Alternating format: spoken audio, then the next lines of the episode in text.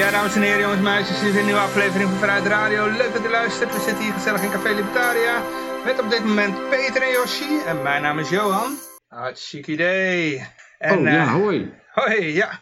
En eh, we zijn nu live in Café Libertaria. En eh, ja, we gaan gewoon eh, traditioneel beginnen met goud, zilver, bitcoins en de staatsschuldmeter. En ja, laten we eerst beginnen met... Kijk, ik zal hem even erbij halen. Even kijken, hartstikke idee. We beginnen met de staatsschuldmeter. Die staat op 387 eurotjes. Oh sorry, 387 miljard eurotjes in het rood. En even kijken, dan hebben we de marijuana-index. Eerst alle cookie-meldingen wegklikken. Eh, die is, oh, die is weer omhoog geschoten, maar... Ja, naar net boven de 100 punten en nu weer gedaald naar eh 95,64 punten. Eh, de bitcoin, die was volgens mij ook gestegen, had ik eh, laatst gezien. Die Ik zal is... even terugkoepelen. Oh. Eh, ik weet het nu in dollars. Jij Maar ik weet ben het nog in even naar dollars. euro's. zeg maar in Nee, dollars ik, dan. ik, eh. ik, nee, ik weet op euro, wacht. Ik ben er bijna. Ja, ik moet hier... 8127 eurotjes. Oh, hier staat de 81,28. Ja, ik zei 8127. oh, oh, sorry. Ja, het is wel redelijk stabiel, toch, die bitcoin. Het is eh, bijna saai. Stabiliteit is bereikt. Het is bijna saai. Maar als je op een, op een maand gaat kijken, dan zit er toch nog wel 10% schommel, schommeling in. Ja, ja, ja. ja vorige, Naar week, boven en naar beneden. vorige week is eh all-season begonnen, hè? Dus, eh, Volgens wie? nou ja, ja, daar heb ik een. Nou, er zijn wat munten, dat wat nou- coins omhoog als je dat nu geschoten. aanhaalt. Ja. als je dat nu Chainlink en, ik had en voor- Cardano zo. Nou, ik had het inderdaad wel benoemd dat het, de, de, eh, het altseizoen zou zijn begonnen.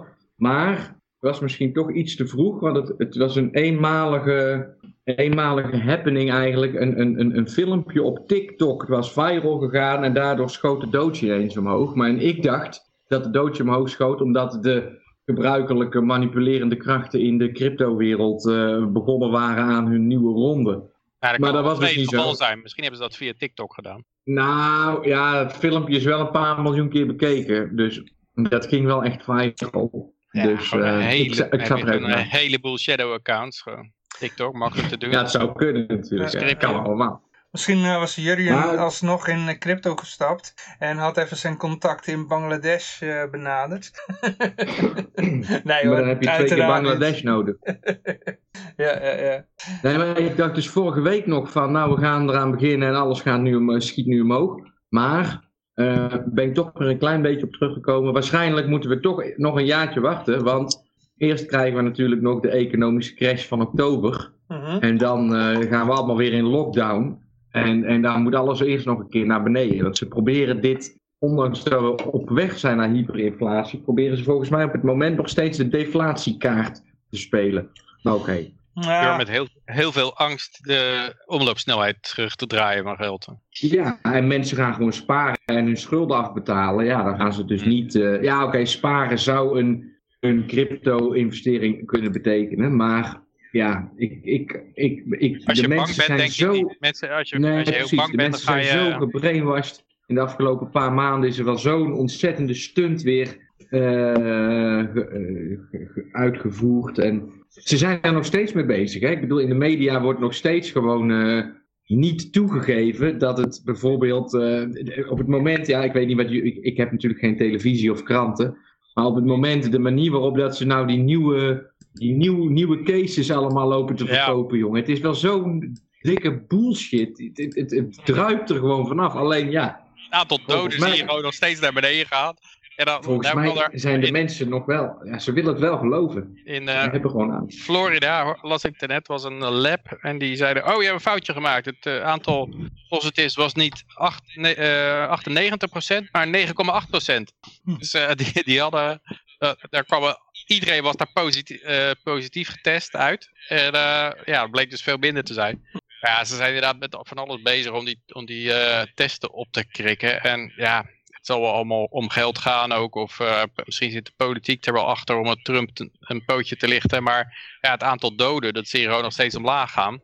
En het is ook zo, hoorde ik, dat als jij naar het ziekenhuis gaat, dan uh, voor iets anders, dan nemen ze gelijk zo'n test af. En dan kan het ja. zijn dat jij positief getest wordt. En dan up, is er weer een case bij, terwijl jij nergens last van hebt.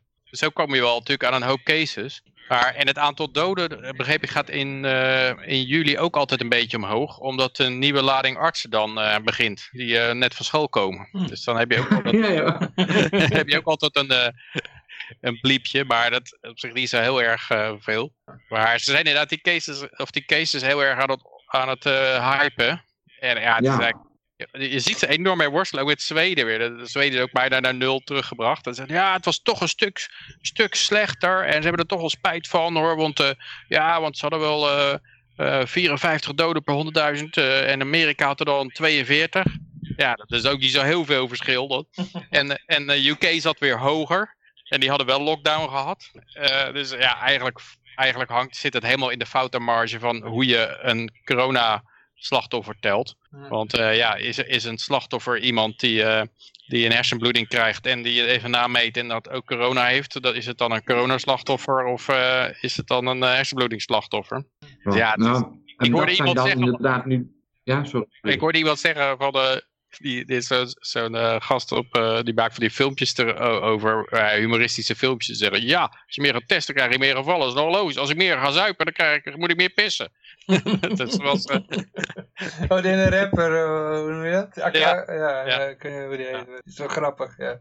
Nee, maar even over, nog over de altcoins. Ik bedoel, de Cardano en uh, Chainlink waren ook omhoog geschoten. Nog een paar andere trouwens. Maar dat, dat had verder niks met de, de pump en dump van Doge te maken, toch? Nee, die hebben wel echt, echt iets uit, echt gelanceerd. Maar ja, omhoog geschoten. Cardano heeft, is gelanceerd op de hoeveel duizend Satoshi? 2500, 3000, zoiets. Uh -huh. En nu zijn ze na een jaar onder de duizend hebben gestaan, zijn ze weer over de duizend heen. Ja, ik vind dat nog niet echt... Uh, uh, het is hè, ook nog dat Cardano, dus het is gewoon... Nou, nee, nee, ze hebben inmiddels al een, een blockchain en ze gaan nou... Uh, naar proof of work toe. Dus de, de, oh. de, dat omhoog geschoten was, was waarschijnlijk uh, had te maken met hun uh, nieuwe, het uitrollen van dat heet, oh god, hoe heet het nou hè? ik ben even de naam vergeten. Het zijn allemaal van die Shelly, Shelly, ja. zo heet het project. En dat is, begint eigenlijk eind juli. En moet dan eind augustus afgerond zijn. En dan gaan ze over naar proof, van proof of work naar proof of stake. Maar dat is eigenlijk en raar, dat... want Cardano zeide altijd van, uh, het verhaal erachter was van ja, kijk, Ethereum moet het stap voor stap doen. En die, zitten, die moeten een, uh, on een rijdende auto de wielen vervangen. En, en Cardano die, mm -hmm. die wacht en dan doen ze het in één keer goed. Bam, dan heb je het uh, één keer goed. En dan gaan ze alsnog ze tijdens bedrijf gaan ze over proof of work naar proof of stake. Ja, ja, het verschil was dat bij, uh, dat van, Cardano wees al van tevoren dat als ze om gaan schakelen, dat het ook goed gaat, weet je wel. En niet zoals bij Ethereum dat er achteraf, uh, oh shit, nee, het is toch nog niet goed. Niet goed. Even hard fork trouwens. ja, Even ook opnieuw beginnen. Overigens, dat de, de, de lancering van Ethereum 2.0 wederom is uitgesteld. Want het was eigenlijk deze maand gepland. is weer uitgesteld. Inderdaad. Oh man. Ja, ik ga ze ook weer niet, weet je Ik heb echt het gevoel dat er toch ook een hoop manipulatie in zit hoor. In al ik heb het idee dat... Uh, dat de competitie hebben gewoon uh, Vitalik uh, Buterin hebben ze gewoon een, uh, een lekker fotomodel op afgestuurd. En met een hoop flessen drank. En ik denk dat hij, dat hij gewoon niet meer toekomt aan, aan Ethereum programmeren. Ja, volgens mij... Zijn nieuwe leven is zo fascinerend. Die gozer maakt je blijer met een 5 terabyte harddisk dan met uh, een model. Maar, heeft hij, okay. Hier heeft hij nog nooit iets uh, mee te van doen gehad. Dat is heel nieuw voor hem. Dit moeten we nog even uitzoeken, hoe, hoe dat nou zit. Hij is overgestapt naar de biologie. Ja. ja. Nee, maar in ieder geval, er was, er was trouwens wel een, een, een, een gevalletje van een pump-and-dump. Uh, tenminste, Cardano werd wel verdacht van een pump-and-dump. De vraag is alleen, tenminste zo, ver, zo verdedigde zich. Charles Hodkinson. Uh, dit is een, volgens hem een valse beschuldiging. Kijk, mensen kunnen gewoon een willekeurige coin pakken en die gaan pump en dumpen. Omdat ze zelf ervan heel veel van ingezameld hebben toen het nog laag stond. En in China hebben ze dan eh, zo'n pump-and-dump eh, schandaal opgezet. Waarbij ze zich richten op de wat rijkere Chinese boeren. Dus ja. Ah, eh, Vergeet nou gewoon ook die hele term pump en dump. Het is gewoon de markt zoals die beweegt. Er zit, ja, geen, ja, ja, ja. er zit geen manipulatie in. En zelfs als iemand dus zijn eigen geld gebruikt om het omhoog en naar beneden te jassen.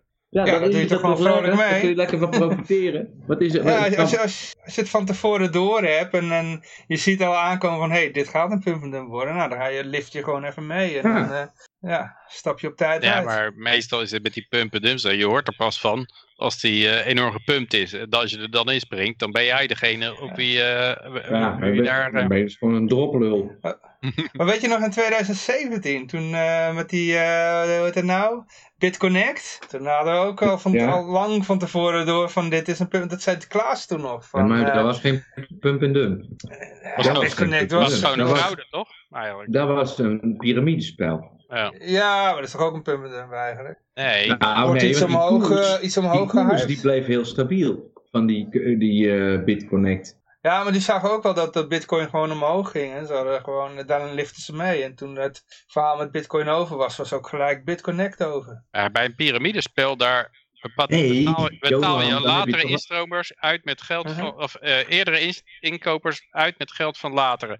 Eh, en dan moet je een eh, exponentiële groei hebben. Maar bij een pump en dump koop je iets, eh, je koopt een hoop in, dan koop je het, eh, dan probeer je de, de hele orderboek weg te kopen en er een hele hoop hype eh, rond te creëren. En dan probeer je het te verkopen aan mensen die op die hype instappen. Ja. Ja, ja, ja. ja maar Dus met, met. BitConnect, met BitConnect hadden ze ook dat verhaal van het, het zou alleen maar omhoog blijven gaan. Maar ja, toen de paniek uitbrak eind eh, 2017, eh, waardoor eh, ja, Bit, Bitcoin ging toen een stukje lager. En toen was het, eh, klapte ook die hele ballon van BitConnect. Nee, Johan, Ja, heeft met... Ik denk dat toen ook die mensen ook Nee. uit, uitgestapt zijn. Nee, oh nee. De- de- nee? Kijk, laat, laat ik het dan aan proberen om mijn variant erop te geven. Ik zeg Oh, natuurlijk niet dat ik het weet, want als ik het precies zou weten, dan word ik morgen gearresteerd dat ik er eh, medeplichtig aan ben. Maar wij hadden een platform, een website, en daarop stond, je kunt aan ons je bitcoins lenen. Ja? ja, ja, ja, ja. En dan krijg je iedere dag 1% rente. Nou, dat, dat werkte dus vanaf eh, oktober 2017 ongeveer, dat het eh, begon, zoiets. Nou, maar toen de- eerder? Oké, nou we gaan verder. oh, is het een jaar eerder, sorry. Wanneer kwam Nou, de piek weet ik dan? niet. Het begon- het begon 2017 was de piek. Ja, nee, je hebt gelijk, je hebt gelijk. Dus oktober 2016, excuus. Ik weet niet precies wanneer het begonnen was. Voor mij in ieder geval, eh, dat vroeg in 2017. Ruim voor, de, ruim voor de boel, ruim voor de Ja, boel ja, in ieder geval. En toen begonnen de eerste mensen, maar voordat jij je bitcoins kon uitlenen aan BitConnect, moest je die bitcoins omruilen voor BitConnect coin, ja. En die BitConnect coins, die waren gewoon net als, eh, laten we even zeggen, iedere token die tegenwoordig gemaakt wordt, eh, die, die, die waren er gewoon. Ze hadden 100 miljard BitConnect eh, coins. Hm. Nou, en die werden gewaardeerd op een bepaalde bitcoinprijs. Het maakt verder niet echt, echt uit wat het dan was. Maar jij kon dus eh, je, je, je bitcoins omruilen op dat platform van BitConnect. En dan kon je vervolgens die vastzetten voor een bepaalde periode. Bijvoorbeeld één maand, één week, één dag. Één, hè? Ja. En, en als je dan, de echte truc zat er maar in, als je andere mensen ging aanmelden, dan kreeg jij een deel van de commissie die zij verdienden. Nou, en toen zijn er dus heel veel mensen, mensen gaan uitnodigen, want die deden dat en die zagen dat ze winst maakten en die zeiden van hé, hey, je kan hier winst mee maken. En toen Bitcoin eigenlijk de limit had bereikt van zijn groei, toen hebben de mensen van BitConnect gewoon de stekker eruit getrokken, omdat zij dat het goede moment vonden om uit te cashen. En toen zeiden ze dus, niemand kan nu nog terugwisselen naar Bitcoin, maar jullie krijgen allemaal op de prijs van nu. Nou, en dat was op dat moment iets van, weet ik het wat, 300 dollar voor een BitConnect coin. Ja, en zeiden ze, als je dus eh, 100.000 euro hebt, dan krijg je van ons 100.000 gedeeld door 300 dollar per BitConnect coin is 300 eh, de, eh, BitConnect coins. En er Dus was zeg geen tekort aan BitConnect coins. Want die, Nee. Want daar hadden ze genoeg coins, van. Die zijn, die zijn allemaal geleverd en iedereen had het. Maar tegelijkertijd dat ze dat deden, ja, toen crashte natuurlijk de waarde. Ja, want er was, er was helemaal niet zoveel markt. Plus dat zonder dat platform van BitConnect, is het natuurlijk ook helemaal niks waard. En BitConnect maakte dus de claim van wij speculeren met dit geld en wij hebben allerlei computeralgoritmes die superveel winst maken met het verhandelen van, van jullie inleg. En daarmee betalen we jullie uit. Maar ja, eh, dat was natuurlijk gewoon allemaal gewoon grote bullshit. En, en, en, en ze werden gewoon à la piramidespelletje met elkaar steeds uh, uitbetaald. En zij zagen gewoon van nou, nu zit de groei van ons, hoeveel mensen dat we erbij krijgen, die groei die is er nu uit. Dus we zetten nu gewoon alles op stop. En misschien is de hele bitcoin wel niet verder gestegen, omdat de mensen van BitConnect Coin begonnen uit te cashen. Kan ook nog. Nou, dat denk ik ook niet. Ik denk, kijk, kijk de... Zijn die nog opgepakt eigenlijk? Uh, er is Volgens mij wel, ja. ja, ja. wel een uh, vermoeden ja, uitgesproken wie het überhaupt is, want dat was ook al heel lastig. Ze zaten in India, geloof ik, en ze zijn uh, gepakt uiteindelijk. En sommige daarvan, die, ja, die of, of alweer vrij waren of niet gepakt waren, waren alweer bezig met BitConnect 2.0. Ook dat, ja, ja. Er zijn er een aantal sowieso opgepakt, maar dat waren allemaal kleine hoe zeg je dat? De fruitvliegjes. Ik weet het ja. even niet. Ja, en die acteur die ze hadden ingehuurd van BitConnect, die, uh, ja, die is verder gewoon vrij uitgegaan. Die, had, die hadden ze gewoon ingehuurd. Ja, maar ze hebben inderdaad een heleboel van die mannetjes die het op YouTube liepen te slijten. Dat, uh, dat is ook, uh, ja, wisten die ja, nou wat ze aan het doen waren of niet? Is dat dan een strafbaar feit? Dat is moeilijk. En zo had je ook de crypto-broers, die kwamen uit Limburg. Dat waren twee Nederlandse gasten. En, en wat, kennen jullie die? Nee. Nee, nee, nee. Oh ja, die maakten iedere dag, iedere dag een filmpje. En dan zaten ze allemaal ontzettend tof van... Ja, wij maken superveel geld, weet je wel. Allemaal gewoon in die brainwash van dat, van dat project. En toen heb ik ze aangesproken. Ik zeg, jongens, uh, wat, uh, hè, ik zit ook in de bitcoin. Leuk dat jullie er zo enthousiast over zijn. Zeg maar, volgens mij is het niet zo'n zuiver project. Nou, en dan werden ze een beetje boos op mij dat ik dat zo vertelde. Ik zeg, ja, nou ja, goed, ik draai al mee vanaf 2012. Ik heb er een hoop gezien. En dit is gewoon voor mij uh, te risicovol om in te investeren. Het enige wat ik doe is, ik koop cryptomunten en die verhandel ik op de spotprijs. Dus allemaal geen marginhandel. En uh, dat is hoe dat ik mijn bitcoins uh, vermeerder.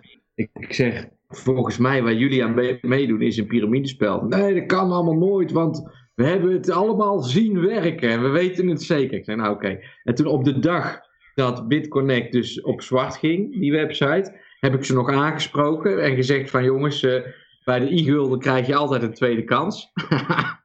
en toen hebben ze me nog bedankt, maar de dag daarop was die website uh, of hun, hun Facebookpagina allemaal uit de lucht. En uh, binnen een week kwam er toen een brief van de advocaat dat ze ja, slachtoffer waren geworden zelf en dat ze nooit de bedoeling hadden gehad om uh, mee te draaien in een piramidespel. Dat is gewoon een misdrijf. Dat is geen overtreding, maar een misdrijf. Dat zijn serieuze vergrijpen. Dus ja, die, die ja, ja, een briefje. Kunnen ook nog een, een, een, ja, een van de duizend meiden die zichzelf Bitcoin Girl noemt. Er waren wel is duizend van. Ja, er zijn wel duizend met dat soort namen. Dus uh, ja. net, net als dat je duizend uh, accounts had die Crypto Trader heten. Maar uh, de, een, een, Bitcoin Queen en noem maar op. Maar de, je had er eentje die was ook nog wel eens door geen stijl gefilmd en zo. Die, die was ook bezig met dat BitConnect. Kan ik me nog herinneren uit die tijd. Ja, dat is ook werd... gewoon. Dat is ook gewoon sensatiezoekerij. Iedereen die daarin naar kijkt, die ziet dat het gewoon gebakken lucht is. Ja, en, en, dan ga je juist zo'n project, want nu hebben we het dus nog steeds in 2020 over BitConnect, weet je wel. Uh, hoe, er is zoveel meer gesproken over BitConnect dan over Litecoin. Weet je wel? En ja, het is zo fucking onterecht. Het is wel weer zo de media brainwash waar we wel maar mee om moeten gaan in ons leven. Maar het is wel zo verschrikkelijk hoe wij met de hele wereld op het moment al jaren dus worden misleid. Het is echt, uh, je houdt, ik snap het niet jongens. Ja, het, wordt steeds, iedereen... het wordt wel steeds fantastischer. Je hebt het idee dat op een gegeven moment dan flikkert het helemaal, helemaal een keer in elkaar dan. Zet al die maar mensen die, die, bril op van die film They Live, zo, uh, wacht even, wat zie ik nou? ik, had, ik zat ja. vandaag in een groep en daar werd de vraag gesteld, hoeveel procent van de mensen schatten jullie nu dat er doorheeft wat er gebeurt. En daarmee spraken ze specifiek over COVID. En toen maakte ik de inschatting, want er zaten dus mensen bij en die zeiden ja, 60% van de Nederlanders die weet dat COVID onzin is. Ik zeg nou die 60%, ik zeg uh, als dat zo zou zijn, dan hadden we niet in deze situatie gezeten. Heel veel mensen die gingen op 20, of 25, maar ook 25. ik heb ooit eens ergens gelezen dat als je dus de kritische massa ligt op 25%. Dus als jij 25% van een groep achter je weet te binden, dan kun je de rest van die 75 ook mee, meesturen. Ik had gehoord 10%. Uh, 10% kritische massa. Ja. Oh, oh ja, ja, ja, Bij Paul zei ook al het uh, getting the 10% of zoiets. Dat was, uh, oh, dat als je oh. 10% dan, zou, dan zou je, ja, dan zou je uh, de rest inderdaad, de rest ja. zijn schapen die gewoon gewoon mijn, mee. mijn cijfers kwamen van het RIVM, dus het kan zijn dat ik die nog moet herzien. Maar, maar ik wilde de vraag stellen, Peter.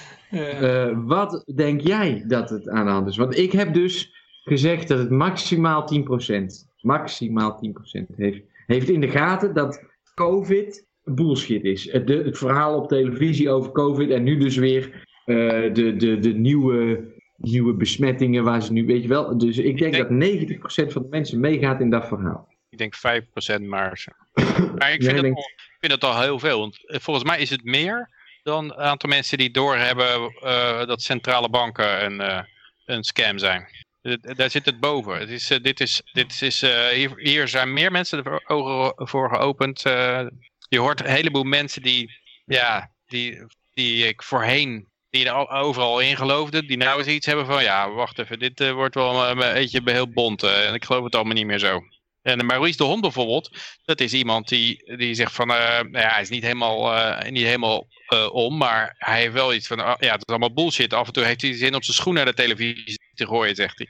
En Maurice de Hond is niet een echte rebel of zo. Uh, het is, uh, het is uh, iemand die behoorlijk nou, wat aanhang hij heeft. Wel zijn, hij heeft wel zijn eigen Apple School of zoiets ook opgericht, hè? Ja, ja hij, hij is ook wel van de mainstream media afgegooid ook wel. Maar hij is toch wel een bekende, bekende naam bij Nederlanders. En ja, er zijn ook wel aardig wat mensen die naar hem naar hem, uh, die het in de gaten ja. Maar misschien is mijn beeld ah. getekend hoor, maar ik, ik volgens mij... Op het moment dat die Maurice de Hond... Sorry dat ik inbreek hoor, het, het spijt me. Ik heb een week gemist, zie je het? Ik heb er zin Twee keer zoveel praten. Die, op, het, op het moment dat die Maurice de Hond dan eindelijk... Want die maakt al twee maanden, drie maanden dezelfde case... En dan gaat hij eindelijk, mag hij dan op de mainstream media dat verhaal vertellen. En dan zwakt hij het wel zo verschrikkelijk hard af. En dan gaat hij zeggen, ja nee, ik verwacht ook een tweede golf. En dan gaat die Jurgen Rijman op BNR, jongen, wat een boter heeft die gozer op zijn hoofd. Wat een verschrikkelijk gekleurd interview was dat. Ik weet niet of je dat hebt geluisterd ook. Maar, maar dan moet die Maurice de Hond dus helemaal terug in zijn schulp. Want hij kan ook gaan zeggen, ja, uh, er klopt helemaal geen flikker van al die getallen die jullie uitbrengen. Maar dat, dat doet hij bewust allemaal niet, omdat hij weet dat hij dan geen, geen case meer heeft. Dus dan gaat hij alleen maar herhalen, ja, uh, het, is ook, het wordt ook verspreid met aerosolen. En dan zegt die gozer van het RIVM, ja, maar hebben wij ook nooit ontkend dat het met... Nee, maar ja, die, die aerosolen, die anderhalve meter, is allemaal gebaseerd op grote druppels. Hm. Als ik nu zou hoesten, zo... Uh, anderhalve meter. Zo lang kan mijn pluim, hoe zeg je zo woord, door de lucht heen zweven. Er zijn toch nog niet zoveel mensen die, uh, die, die zo erg lopen toe. Ik weet wel dat ik vroeger op school een leraar had nee, maar die... Dat, uh, is, dat is waar die anderhalve meter op gebaseerd is. Ja, die met consumptie praten. En er zat tussen hem en mij zaten nog twee bureaus. Namelijk dat van hem dat van mij. ik zat continu helemaal onder. Dat is echt... Uh, onder Ja. Vroeg dan, uh, mag ik een keertje achter in de klas gaan zitten? maar goed, nee, ga verder. Nee, ja, niks. Ik, ik had nee, een maar voor kijk, nou, Daarom zeg ik ook, Maurice de Hond is geen... Ik hoorde hem trouwens eerder zeggen dat hij niet verwachtte dat er een tweede golf zou komen. Maar uh, ja, hij, als hij inderdaad weer een beetje bij de mainstream media uh, terug moet, dan zal hij inderdaad uh, ja, heel erg gaan inbinden. En dan krijgt hij inderdaad zes klappen om zijn oren vanwege één klein foutje of zo dat hij gemaakt heeft. Ja. Terwijl het RIVM, die kunnen 300 dingen fout doen. Uh, en daar, daar krijgen we een 6 centje kritiek. Uh. En dan wordt hij waarschijnlijk gewoon helemaal niet meer gevraagd, hè? Nee. Wordt hij gewoon waarschijnlijk helemaal niet meer gevraagd. Nee. En dan denkt hij, shit, heb ik hem hiervoor inlopen binden? Ja, dat is ook zo. Meestal als jij dan uh, op je knieën gaat voor, om, om maar terug in de mainstream media te mogen, dan, dan word je alsnog afgeserveerd. Dan krijg je alleen een draai om je oren en dan krijg je daarna een schop onder je kont. Dan kan je net zo goed voet ja. bij stuk houden. Ja, maar er staat nog in, in, in het traditionele blokje, we moeten goud en olie nog doen. Ja, ja. Uh, goud staat op 1810 dollars, olie op 40. Zilver is ook wel aardig een beetje bijgekomen, 19,5 dollar, dus dat uh, begint ook op te lijken. De dollar zakt ook een beetje weg, 1,14 euro. is die, eh, of 1,14 dollar is de euro nou. Ik heb van de week heb ik voor 48 euro per gram mijn goud verkocht. Dat was absoluut Ah. de recordprijs die ik er ooit voor gekregen heb. Ik, dus eh, ik, ik liep Maar de winkel. verwacht, je verwacht dat goud omlaag gaat? Nou, nee, nee. dat Rekening betalen. Nee, maar ik moet gewoon oh, rekeningen betalen. gas, water Dus en ik- licht. Ja, Ja. ja. Dus eh, ik was naar die winkel gegaan. Ik had ze vorige week had ik ze dat bericht eh, gestuurd. Dat doe ik bij die goudwinkel. Elke keer als er bullish nieuws is over goud, dan stuur ik ze dat. Want dan, zij geven mij de beste prijs elke keer voor de goud. Dus ik moet wel hopen dat ze maar goud blijven kopen van mij natuurlijk. Dus ehm, ik had hem weer een berichtje gestuurd. En nou stond het inderdaad. Ik zeg, wat doet de goudprijs nou? Ik zeg, maar ik heb helemaal niet gekeken.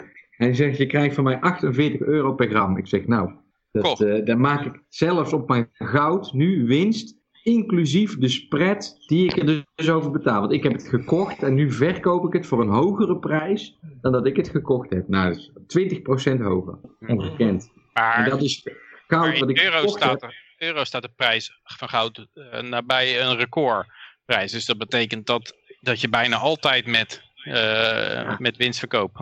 Maar dat deed ik het eigenlijk helemaal niet voor. Want ik moest gewoon van mijn, ik moest gewoon van mijn bitcoins afdoen. En daar heb ik toen goud van gekocht. En ik ben al blij als ik die bitcoins op 16.000 kan cashen. Want dat is wat er gebeurt als ik goud verkoop. Dan verkoop ik mijn bitcoins op 16.000. Tenminste in mijn hoofd. Hm. Maar nu heb ik zelfs daarop nog 20% winst. Dus Ah, ja. En je dacht niet, ik ga naar fiat toe als ik mijn bitcoins verkoop. Nou ik had geen bankrekening. Dus dat is dan lastig. Ik had een, oh ik moest Ja, maar kiezen. kan je ze dan wel tegen goud verkopen? Of had je, kende je iemand die ze wel tegen goud wilde verkopen? Nee, er was een eh, winkel, dus tegenwoordig is dat op 21 mei 2020, 2020 dus eh, een paar maanden geleden, is er een nieuwe wet, eh, wet op het cryptogeld of zoiets. Ik weet ook niet precies hoe ze het noemden, maar sindsdien zijn er dus een heleboel dienstverleners weer uit de lucht qua cryptogeld. Maar er was tot die dag een goudwinkel in Nederland en die had een, een met bitkassa.nl uit Arnhem. En dan kon je dus tot en met 100.000 euro goud per keer bestellen. En dan kon je dat afrekenen in batches van 25.000 euro per dag.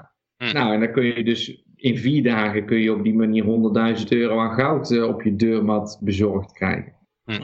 En dan moet je dus alleen nog iemand vinden wiens naam je mag gebruiken. En dan ben je helemaal, ben je helemaal eh, blut nadat je het eh, goud gekocht hebt. Alleen heb je, ja, heb je wel dit, eh, zware zakken, maar ben ben je blut. Het staat allemaal niet op jouw naam dan. Maar dat was wel een hele mooie manier, maar dat is nu, eh, ja... ja Die je- in Arnhem, die zijn ermee opgehouden, toch? ja, die zijn er nou mee opgehouden. En elke keer, het is wel vaker dat dat gebeurt. Ik, ik had bijvoorbeeld met Western Union, had ik toch laatst ook verteld dat ik eh, met Western Union handelde. Had ik daar ook weer een filmpje over gemaakt. En de volgende keer, en toen zei ik van ja, ik krijg elke keer eh, cadeautjes via Western Union. Want dan, weet je wel, dat, dat zijn mijn cadeautjes. En dan hoef je, de- als je, als je iets verkoopt, dan moet je belasting betalen of zo. Maar als je een cadeautje krijgt, dan is er niks aan de hand. Dus ik zeg, je krijgt elke keer cadeautjes. Als ik crypto geld verkoop, dan krijg je cadeautjes. Nou, en de volgende keer doe ik hetzelfde transactie, wil ik nog een keer doen met Western Union. Zitten er ineens allerlei nieuwe regels aan verbonden? Ja, want er wordt allemaal fraude mee gepleegd. Ik zeg, nou, eh, Te veel cadeautjes. te veel cadeautjes. Ja, ja en, en hetzelfde met eh, een paar maanden geleden had ik dat. is- Of een jaar geleden, minder dan een jaar geleden. En toen eh, vroegen ze aan mij van, hey, zullen we een potje pokeren? Ik zeg, ja, dat is goed jongens. Ja, eh, hoe, hoe doe jij dat dan? Ik zeg, nou, eh, ik heb hier een website. En dan kan ik dit, eh, dan kan ik van die, van die tegoedbonnen kopen. Dan haal ik een hele route om uiteindelijk geld op een pokerwebsite te krijgen. En eh, ik had het helemaal uitgelegd. En drie maanden later, ja, eh, waren een, was ergens was die eh, Schakelt je kapot. schakel was kapot gemaakt. Want ja, nee, eh, ik had een IP-adres uit Servië, dus daar kon ik het niet meer doen. En ehm, via een VPN, herkenden ze ook, dus mocht ik die website weer niet bezoeken. Nou ja, moeilijk, moeilijk, Ja. moeilijk, moeilijk. Dat is helemaal lastig gemaakt. Ja, misschien moet, jij, misschien met- moet jij gewoon eens wat, eh, wat routes openbaren die gewoon helemaal niet werken. Eh, om die, om die eh, beetje zand in die machine te strooien. Ja, ja. ja, Ja, maar dat is ik heb eigenlijk een, gewoon... eh, ik heb een IP-adres in China neemt en dan eh, via dit eh, Chinese, met allemaal hele moe- moeilijke landen waar, waar bijna geen, eh, geen verdragen mee te vinden zijn. ja, dan stuur je ze zo een beetje met een kluitje Maar de eigenlijk- drieten. Laat ze maar lekker Eigenlijk- werken. Het feit dat ze mij de hele tijd al volgen, omdat ze dat zo interessant vinden om te zien wat Joosje Livo allemaal doet, dat is al zo'n verspilde energie allemaal, jongens. Want zo Ja, spannend is moet het je, je, allemaal. moet, eh, je moet de rekening gewoon wat ongunstiger maken voor hun. eh. Ja, ja, ja. Zijn, zijn, dat, is dat steeds, zijn dat steeds die trouwe Vrijde Radio luisteraars? Die, eh, Nou, de, Johan, de, keer, de vorige keer dat ik een, toevallig een pokertoernooi startte, toen was het ook binnen 24 uur bij jou hier in de show raak, dat ik allemaal moest uitleggen waar, waar hoe en wat. ja, Dus eh, waarschijnlijk eh, zit er gewoon een Servische geheime dienst eh, mee te luisteren. Of Nou. iemand van de AIVD die een kennis heeft in Servië. en die, ik denk wel dat er inderdaad, nou ja goed, dat zou ik allemaal niet uitspreken, want eh, wat heeft dat Maar voor denk je niet dat het straks helemaal onmogelijk is om eh, nog eh, wat te cashen of zo? Nou ja, dat goud, dat heb ik al hè. Ja, ja. Maar, Dus nou dat, ja, dat is niet het probleem natuurlijk. Maar inderdaad, als er weer een boelrun komt, nou ja goed, je kan altijd in de tether gaan. Hè? Dat is, eh, Ja, maar die tether- kun je toch ook niet cashen voor dollars? Oh, Van oh, zo, Honest nee, Coin, maar wat dat Coin. betreft, als je maar iemand vindt die jouw eh, geldezel wil zijn, dan kan je het altijd cashen natuurlijk. Het is voor mij de sport. Ik wil niet, ik wil gewoon niks op papier uitbetalen. Hmm. Op papier. Dus als jij het mij onderhand kan leveren, ja prima. En dan ben ik best bereid om 10% op toe te geven. Nee, Ja. ik heb Maar misschien ik wil gewoon geen bankrekening. En dan, dan ja, is het ook heel moeilijk. Een bitcoin is digitaal. Oh ja. ja, als je geen bankrekening hebt, wordt het wel lastig, ja. Oh, ik zie dat er in de chat wat eh, gepost wordt, jongens. Ik weet niet of, eh, of jij in, Profiel. eh, de- even, even in de chat kan eh, typen, eh, Josje. Dan ga ik onder, gaan we ondertussen naar de berichten toe. Want eh, ja, we hebben, we hebben ook berichten natuurlijk. Eh, even kijken hoor, ik heb hier eh, een bericht, eh, gaat allebei, twee berichten gaan allebei over hetzelfde. De ene is Jesse Klaver, die, eh, die grote bedrijven dividendbelasting eh, wil naheffen als ze Nederland verlaten. En een andere bericht is, eh komt meer eh, van eh, ja, Jort Kelder en een of andere econoom. En die willen Unilever gijzelen. Ja, Ja, een is de vraag naam. hoeveel economen en opiniemakers had de DDR nodig voordat ze die Berlijnse muren hadden. Tegen vertrekkende eh, Bedrijven te- en ja, mensen vertrekkende mensen, mensen en zo. Ja, dit, in dit geval is het zo dat, eh, ja, we hadden de vorige keer geloof ik al behandeld, dat, eh, dat die brexit, dat was eh, natuurlijk het verhaal dat alle bedrijven zouden weghollen uit het eh, Verenigd Koninkrijk. Allemaal naar Frankfurt en Amsterdam komen en ze zaten hier in een handel te wrijven allemaal. En wat gebeurt er nou? Twee grote bedrijven die gaan naar, eh, naar Engeland toe. Eh, Shell en Unilever. En dat heeft met dat dividend verhaal te maken. Want er- de- dat, het punt is een beetje dat je moet dan dividendbelasting betalen. Maar als jij in Nederland woont, dan betaal je ook box 3 belasting. En Hm. als jij dan, eh, dan, krijg je dividendbelasting terug, geloof ik. Dat, eh, tenminste, dat is dan, eh, je hoeft maar één keer te betalen en dan betaal je gewoon die box 3 belasting. Maar als jij in het buitenland zit en je hebt dus een Nederlands aandeel, moet je dividendbelasting betalen. En, en omdat je niet in, je, in dat box 3 regime zit, dan ben je, ben je dat helemaal kwijt. Dus Mhm. dat, dat maakt het onaantrekkelijker voor buitenlandse beleggers, zo'n aandeel. En zeker aandelen die veel dividend uitgeven.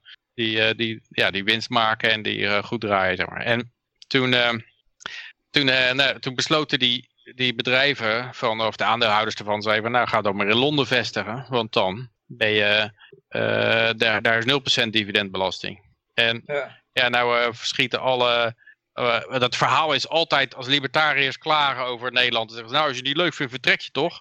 En dan krijg je van als een bedrijf dan zegt, nou oké, dan vertrekken we. Dan zeggen oh, ho, ho, ho, ho, ho, je mag niet weg. ga een grote muur eromheen bouwen. De- en die muur is rekening. ja, toch even een rekening, een exit tax. eh. dus nou, het idee was om dan bijvoorbeeld bij, eh, dat is dan de heer Kelder inderdaad. En dan vraag je af, het is inderdaad Jort Kelder, maar ik neem aan dat het een andere Jort Kelder is Nee, dan... nee, eh, nee, dat is gewoon volgens mij dezelfde Jort Kelder. Dezelfde Jort Kelder? Ja, die is helemaal omgeslagen naar links. Oké.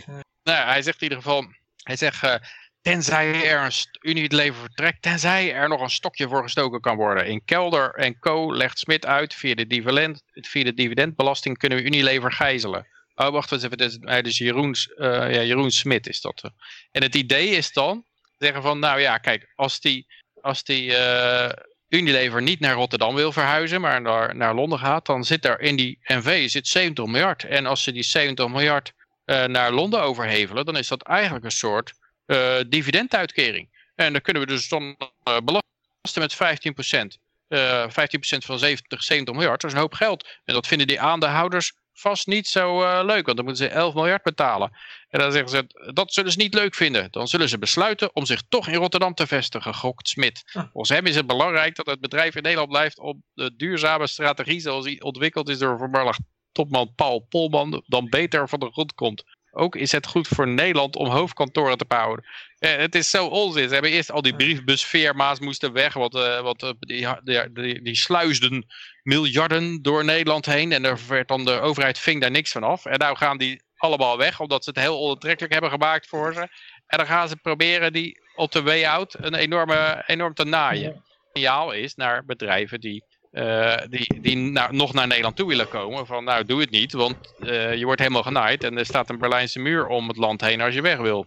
Ja. Het is een beetje als zeggen van, uh, ja, ik, uh, ik hou ontzettend van jou en ik wil graag met je trouwen. En, uh, maar ik heb wel een kelder en allemaal prikkeldaad en wachttorens om mijn huis heen staan. Uh, dan, dan, denkt natuurlijk de, de, toekomstige bruid ook van, oh wacht, ik, ik, denk niet dat dat zo'n goede deal is als ik daar naartoe ga. En, en, en, en, en, en, en, en als je dan toch besluit te vertrekken, komt er een fixe alimentatie en nog een beslaglegging op de helft van je vermogen. Ja. nou, zullen we naar het altaar gaan? Hé, hey, waar ben je nou? nee, het is inderdaad... Uh, uh, ja, het is, het, is, het is eigenlijk zo makkelijk te voorspellen wat er gebeurt als je dit soort dingen gaat doen. Dat ze, ze kijken ook geen vijf minuten vooruit. Hè. Dan gaan ze enorm bedreigen. Ja. Uh, en dan, ja, om, om, ze te bestelen. En dan blijven ze wel hier zitten. Ja, mooi hoor. Heel, heel slim bedacht. Echt geen. Ik denk sowieso, ik denk sowieso dat de enige reden dat dat soort bedrijven echt naar Nederland toe zijn gegaan, is omdat wij ze al die belastingontwijkingsvoordelen hebben aangeboden. En, en inmiddels hebben we dan de hele, hele uh, hoe zeg je dat, hele educatieprogramma's daarop aangepast. Hè? Alle, alle mensen die precies moeten weten hoe je de belasting ontwijkt voor een groot bedrijf.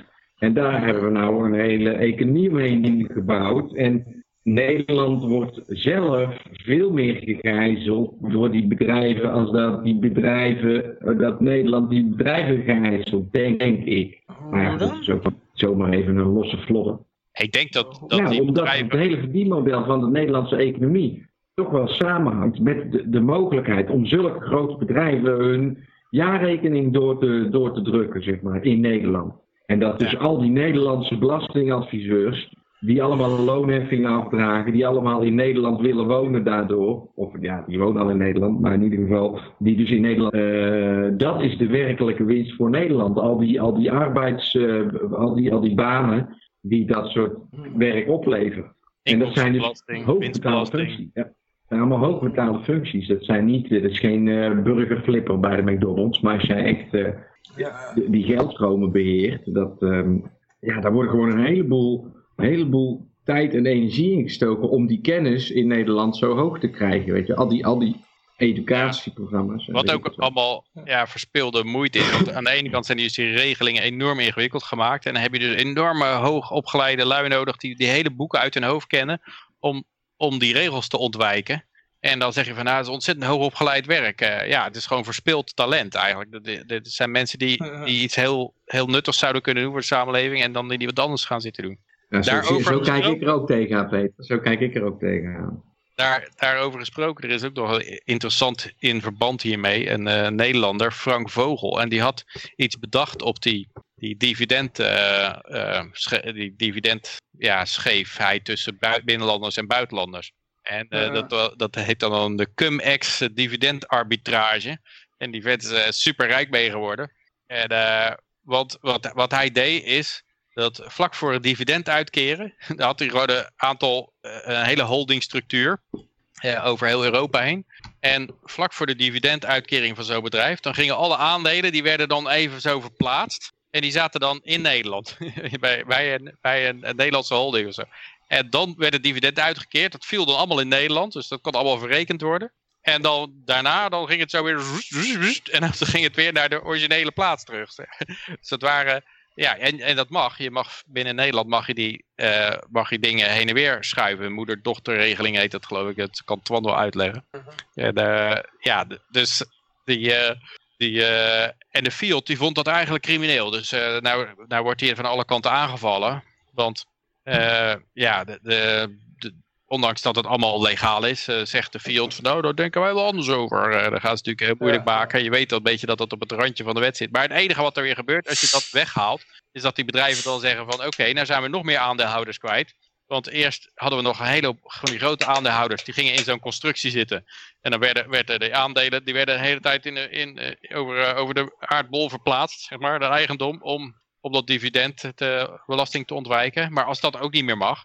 En het is helemaal niet meer te ontwijken. Ja, dan, dan moet je gewoon echt niet in Nederland blijven zitten. Dat zal hun conclusie nee, zijn. En ik denk ook dat als ze, ja. als ze die 15% exit tax op hun oren krijgen. Dat ze toch een berekening maken van. Nou ja, uh, dat hebben we er in tien jaar uit. En uh, de, als het klimaat zo verslechterd is hier en, en we zijn zo onwelkom, dat betekent dat het ook niet beter wordt. Er wordt alleen maar erger, er gaat meer dividendbelasting geheven worden. Dus dan kan je beter maar vroeg vertrekken dan laat vertrekken. Ja, en dan heeft volgens mij heeft Nederland een groter probleem dan een Unilever. Want ja, Unilever, die, dat geld dat komt er wel, weet je wel. Maar voor Nederland zie je, zie je mensen maar eens aan het werk te houden als een kwart ervan in de financiële sector werkt en ineens vallen er dus een aantal van die multinationals weg. Ja, dan heb je volgens mij op een gegeven moment een hele grote groep mensen die gewoon nutteloos, nutteloos Ja, en het is ook altijd zo. Kun je dan uh, weer omscholen, maar dat kost ook een hoop geld. Als jij het hoofd, hoofdkantoor vertrekt, maar ja, de, de boterfabriek die blijft wel achter. Want dat is dan natuurlijk een enorme berg kapitaalsinvesteringen. Er zitten daarin enorme grote uh, ja, silo's en toestanden, lopende banden. Dus die, gaan ze, die fabrieken worden niet zo snel ontmanteld. Maar uiteindelijk gaan die ook een keer weg. Die laten ze dan gewoon wat verouderen. Dan bouwen ze ergens anders een nieuwe fabriek waar, dat wat, waar het wat uh, welkomer is. Daar wordt dan uitgebreid. En, en aan de Nederlandse kant wordt niet meer uitgebreid. Dus het, uit uit, je kan zeggen het is alleen het hoofdkantoor. Maar uiteindelijk gaat de rest uh, gaat ook allemaal weg. Ja. Dus je houdt zelfs niet maar... eens alleen maar blue-collar workers over. Lopende bandmedewerkers die een beetje bakjes boter staan uh, door te schuiven. Uh, wat, wat eigenlijk een overheid meestal niet graag wil. Ze willen meestal van die duurbetaalde banen, omdat je er heel hoge belasting over kan heffen. En, uh, en ze willen niet een lage loonland worden. Ja, of ze verkopen gewoon, hoor het, uh, merken die in Nederland goed lopen, die verkopen ze gewoon, uh, kunnen ze ook gewoon verkopen, toch? Ja, maar de nieuwe koper, die zal ook denken van, uh, ja, wat, wat ik ja. ben een, als ik het koop, krijg ik er dividend van, denken ze dan. Oh, dat is mooi, dan ben ik, krijg ik er dividend van. Oh, wat, ja, de dividendregeling is niet zo gunstig hier. Dan koop ik wel in Londen een bedrijf, want daar is de, de, de, daar is dat wat beter geregeld. Nou, ik weet niet helemaal precies hoe de belastingwetgeving zit. Als je natuurlijk in Nederland woont, dan moet je het waarschijnlijk sowieso betalen. Dan kan je beter uit Nederland verhuizen. Ja. Maar uh, even kijken, Josje, wat was er allemaal in de chat gebeurd? Want er, uh, ja, jij bewijst mij naar die chat, maar wat een kansloze chat, Johan. Ik weet niet wat er geschreven is. Er staat hier iets met homo's van een shift slime 27 of zo. Dan hebben we een be dominated. Die roept groen okay. rechts. Nee. En dan ja, weet ik het anders. Dus uh, ik, vond het, uh, ik vond het niet echt uh, de, de, moeite, moeite van het benoemen waar.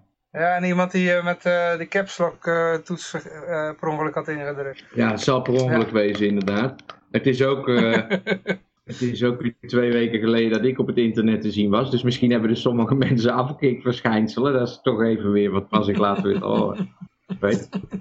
Nou, goed, maar ja, als je nog wat uh, wil reageren uh, in de chat, uh, het liefst natuurlijk inhoudelijk. Ja, ja of, maar goed, ja. Of verhaaltjes schrijven, hè? dat mag ook.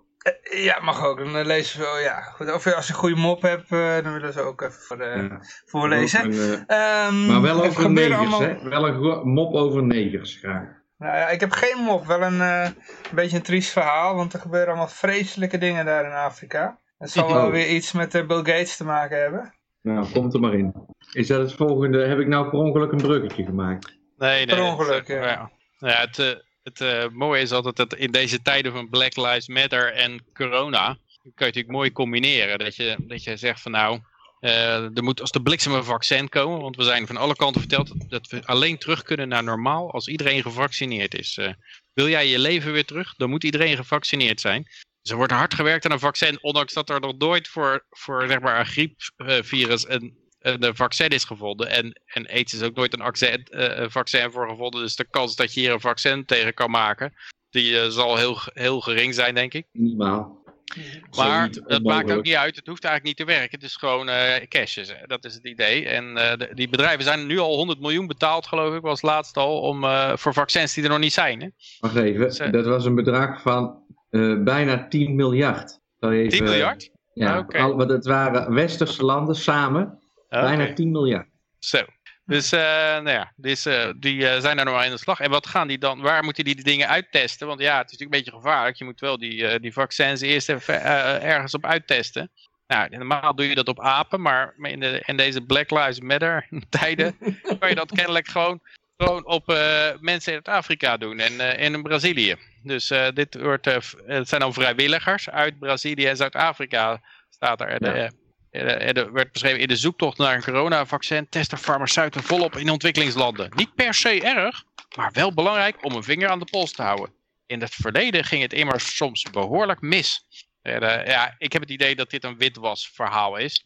Van, eh, niemand schrijft tegen de farmaceut in, want eh, ja, dan gebeuren er gewoon hele rare dingen met je. Eh, Dat, Ja, eh, en en die, die, die farmaceuten die hebben gewoon de controle over de krant. Simpel. ja, die kranten is, die eh, krijgen geen... eh. Ja, En eh, ja, inderdaad, die, eh de advertentiebudgetten zijn gigantisch. Dus, eh, dus er komt er zo'n verhaal. Het, ze vangen wel een beetje af dat mensen zeggen... nou, lekker die farmaceuten. Die zitten gewoon in Afrika niets vermoedende mensen... va- experimentele vaccins in te spuiten. Maar, eh, en het is dus al een keer gebeurd dat bij het testen van een antibioticum... wisten ouders niet dat hun kinderen deelnamen aan een proef. Dus dat, dat was er dan misgegaan. Maar ze zeggen er wel zo'n slag bij om de armen. Het, is niet per se erg hoor. Dus dat, dat moet gelijk al in de eerste, eerste zin van of de tweede zin van het artikel staan. eh, dat, eh, dat op zich niet erg is. En dan eh, was het ja, nog een voorbeeld. Tijdens een uitbraak van een virus dat een hersenvliesontsteking veroorzaakt, werd een antibioticum getest op kinderen zonder dat de ouders wisten dat ze deelnamen aan een proef. Een aantal kinderen raakten verlamd en een enkeling stierf zelfs. Hm. Dus ja, het is wel belangrijk dat je zo'n vaccin, eh, als, het, als het nog in experimentele fase is, dan kan je er gewoon verlamd van raken bijvoorbeeld. En of, of aan dood gaan. maar ook als het niet in de experimentele fase is. Ik ben dat- dus dat twee ook. weken weg geweest. Ben twee weken weg geweest. En ik zal jullie zeggen, in de afgelopen twee weken heb ik weer een heel andere denkwijze. Het gaat zo vlug de laatste tijd in hoe dat ik elke keer anders denk over, over dingen. En volgens mij eh, zijn de vaccins de sigaretten van de toekomst. En daarmee wil ik zeggen dat de dokter 60 jaar geleden nog zei van... Rookt u maar lekker Camel, want dat is de beste sigaret die er te krijgen is. Net dezelfde manier als dat de dokters van vandaag zeggen... Oh, ik zou maar een griepvaccin nemen, meneer, want dan eh, wordt u niet ziek van de griep. Het is gewoon complete bullshit. Het is allemaal onderbouwd met fake science. Gewoon gemanipuleerde resultaten door farmaceuten betaalde onderzoeken... die onderzoeksbureaus compleet sturen naar de uitkomst... En dan zeggen ze, ja, eh, weet je wel, gewoon de leugens. Als je het eenmaal doorhebt hoe dat ze tegen je liegen, dan zijn die leugens zo verschrikkelijk simpel om te, om te doorzien. Maar, ja, zeggen ze- maar hoe zou jij... Een paar van die dingen die... Zo. Nou nee, Ja. ik, ik vraag me, hoe zou je zeggen dat dat omslag, die omslag gaat gebeuren dan? Want eh, bij die sigaretten kan ik me voorstellen, je krijgt actiegroepen en zo. En, en, eh, maar hier zitten, die, die lui hebben net 100, 100 miljard gekregen, zei je? 100 miljard. Dus Nee, nee. 10 miljard. eh, 10, 10 miljard. Die hebben 10 miljard gehad. Nou, Iets eh, daar minder, gaat, ja. daar gaat, eh, Maar dat meer dan vijf. daar gaat niet allemaal de laboratoria in naar onderzoekers. Dat gaat eh, ook naar allerlei puff pieces en, en, en, eh, en fake, eh, fake news en eh, advertentiebudgetten en zo. Daar, daar kan je haast niet tegenin. 10 miljard, daar kan je, ik denk dat, dat je daar eh, kan je wel opgeven eigenlijk. Voorlopig in ieder geval. Global Currency Reset.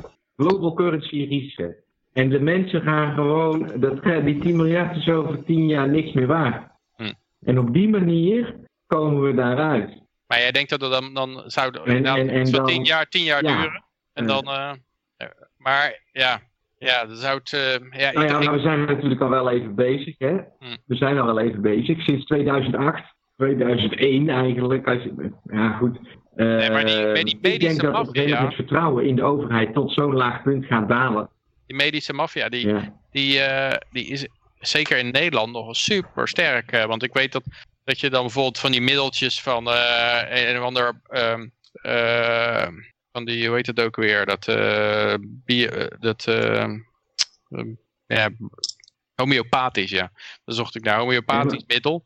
Hoe komt dat Daar dan? mag je gewoon niet- Dat, Daar mag je gewoon niet bij Ja. zeggen van dit is voor, eh, voor een dat je ook een neusverkoudheid. Je mag, je mag je er gewoon niet opzetten. En anders dan krijg, kom je daar enorm in de problemen. Je moet gewoon eh, zeggen, nou Klopt. dit is eh Egina Fors. En eh, ja, je, je moet zelf maar bedenken wat je ermee mee, mee doet. Maar wij zeggen niet waar het voor is. eh. En, en er staan een enorme straf op. En die dokters die, eh, die zitten er ook allemaal mee natuurlijk. Want die krijgen allemaal reisjes voor eh, medicijnenvergoedingen. En, eh, dus ja, ik, Ja. Het, ik, het ziet nog zwaar in om dit eh, omver te krijgen. Maar het is wel zo als je een groep Maar dat is de reden dat het vastberaden mensen hebt die echt zeggen, van, nou dit pik ik niet meer. Dan kan je het wel voor elkaar krijgen nog. Onder hoeveel miljard er ook tegenover staat, denk ik. Precies, en dat is de revelation die er gaat komen, denk ik. Ja, ik denk wat er, wat er ook gebeurt in dit soort situaties. het, eh, Eh, het, zie je, zie je ook over het algemeen met die, eh, ja, wat er in Amerika gebeurt nou. Dat als het eenmaal begint te ontsporen, dan, gaat het, dan komen er ook steeds maffere... Want als je met één punt wegkomt, eh, net zoals de centrale bankiers. Als ze met eh, het eh, drukken van 1 triljard wegkomen, dan waarom niet eh 4 eh, eh, of 1 biljoen? Dan waarom dan niet 4 biljoen de volgende keer? Oh, als dat ook nog lukt, waarom dan niet 16 biljoen of zo? En dat gebeurt ook met die vaccins ook. Dat, dat ze gaan gewoon steeds slechtere testen, steeds meer bagger, steeds onzorgvuldiger. eh, en eh, steeds grotere beloften. Op gegeven moment, dan, dan zetten ze daar gewoon een stap te ver in. En dan is het zo, zo duidelijk. En wat, wat de, de andere kant groeit dan alleen maar natuurlijk. Ik denk dat het zo, dat het zo een beetje gaat gebeuren. Of zou kunnen gebeuren. Maar ik heb dus zelf het idee dat de, de, de agenda voor de komende jaren is helemaal uitgerold. Eh, en daarom doen ze nu op deze manier ook zo niet hun best om, het te, om er een cover-up van te maken. Weet je wel. En natuurlijk hebben ze het nog steeds over eh, nieuwe besmettingen op dit moment en weet ik veel wat. Maar het is gewoon op naam als, als leider van de WHO.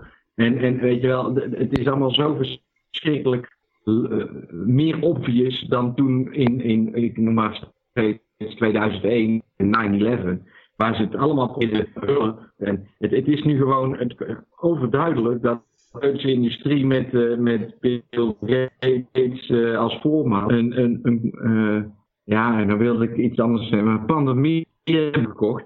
Ik had vandaag een, het was iets van een staats, staatsgrependemie. staatsgrependemie hebben gepleegd. Want die hebben gewoon via de, de wetgeving controle op onze overheid nu. Omdat de World Health Organization een pandemie heeft uitgeroepen. Nou, en dat hebben ze in 2009 voorbereid. Toen hebben ze die definitie aangepast. En het is gewoon een soort van staatsgreep die er op dit moment plaatsvindt. Maar het is zo obvious dat, ja, volgens mij is dit de endgame. En ofwel over een aantal jaar worden wij allemaal gevaccineerd. Dan hebben we amper nog emoties. Ofwel, we breken nou volledig los en er komt met een partij chaos vanuit die wegvallen van van de structuur. Want die structuur is voornamelijk in Nederland en Westland voor een groot deel van de bevolking gewoon een absolute noodzaak voor hun om te kunnen overleven. Die, die kunnen niet hun eigen adem voor, eh, weet ik veel wat, een huis bouwen überhaupt. Of eh, weet je wel, dat is, ja, dat zijn we verleerd in Nederland. We zijn op die manier, hoe zeg je het een beetje goed, maar verzwakt eh, eigenlijk. En nou, laten we zeggen, getransformeerd naar een meer empathische man. Hè? Wij hebben meer besef van het gevoel van anderen, denk ik. In vergelijking met 100 jaar geleden bijvoorbeeld. Dat je gewoon eh, eh, je vrouw en je kinderen sloeg als je, als je weer flink zat thuis kwam en zo. En gewoon een heel vrij egoïstisch leven leidde. Eh, maar dat we ons dus toch hebben aangepast meer aan een sociaal wezen. Maar daardoor wel ja, een beetje de, de, de, de, de mogelijkheid voor onszelf om voor onszelf te zorgen. Maar mijn eh, psychologische kant. Ja, ik denk dat er gewoon heel veel vertrouwen is in het systeem. eh, dat gaat een keer beschaamd worden, omdat ze gewoon steeds een stapje verder gaan zetten. En ze gaan steeds eh, iets, iets brutaler te werk, met eh, iets grotere winstmarges en iets minder onzorgvuldig. En op een gegeven moment, ja, ik heb nog steeds het idee dat ze, ja, die pensioenproblematiek blijft ook staan. Dat, je, dat ze daar een probleem mee hebben, omdat die, die pensioenenpotten worden leeggetrokken via die negatieve rentes dat je dan eh, dat ze van die ouderen af moeten. En wat is er een beter scenario dat ze dat ze een heleboel van die ouderen hebben die als de dood zijn als ze corona krijgen en doodgaan. En dan kom jij met een vaccin aanzetten en uh, dan, ja, dan zit er dan een foute badge tussen of zo. En dan, dan uh, ben je opeens een hele hoop ouderen af. Uh, zou, zou, dat, zou dat een plan zijn? Of, zou dat, ja, ja dat, dat, dat, het, dat het pensioen een probleem is, dat heeft, is deze week weer bewezen. Nu dat er een, uh, een, een nieuw akkoord is ondertekend. Nou, iedereen gaat erop vooruit, mensen. Joepie, wie had het niet verwacht? We gaan er allemaal op vooruit. Ja, behalve dus de jongeren. Maar um, uh, um, dat pensioen, ja, dat, dat, weet je wel, laat die mensen lekker ermee doen wat ze willen. Uh, ik wil het niet. Omdat ik dus niet de macht van dat geld wil uit handen wil geven. En um, nou ben ik wel een beetje kwijtgeraakt wat ik, wat ik nou precies wilde zeggen. Maar um, ik denk inderdaad, uh, die heb ik ook wel eens gezegd, uh, qua roken. Uh, want ik zit toch nog met me stoppen met roken de hele tijd, hè, zie je wel. De, de, het me, wat is het meest winstgevende van sigaretten? Weten jullie dat toevallig? Ik denk dat ik het al wel eens gezegd heb, maar zal wel het, het, is, een nieuwe, zijn dan, het is een nieuwe aflevering. Sorry? Het zal, zal wel het vloedje zijn? Nee, nee. Kijk, in, in het builtje uh, is, is het meest, of een pakje sigaretten, is, uh, uh, zeggen heel veel mensen, de accijns. Dat is het meest winstgevende. Want ja, dat is gewoon voor wie de bedoel je? Voor de staat of zo? Ja, voor de staat. Oh, oké. ja, misschien het logotje wat erop zit of zo. Nee, Nee, nee, heel veel mensen eh, zeggen dus de accijns, dat, dat is niet zo. Andersom De, bedoel de, ja. de, de, de meest winstgevende factor van sigaretten voor, voor, eh, voor ja, overheid is misschien niet helemaal het goede woord. al Nee, zijn ik weet het al, was dat wel. dat groene dingetje is wat het feit dat mensen vroeger sterven en Oh, dat ze daardoor Geen Ja, dat- pensioen, dat- eh, dat geen pensioen nodig hebben. voor de, voor de accijns, ja. Dat, dat Ja, stickertje, ja, dat bedoelde ik, ja, ja. Nee, maar ga, maar ga maak je verhaal af. precies, dat is, dat is...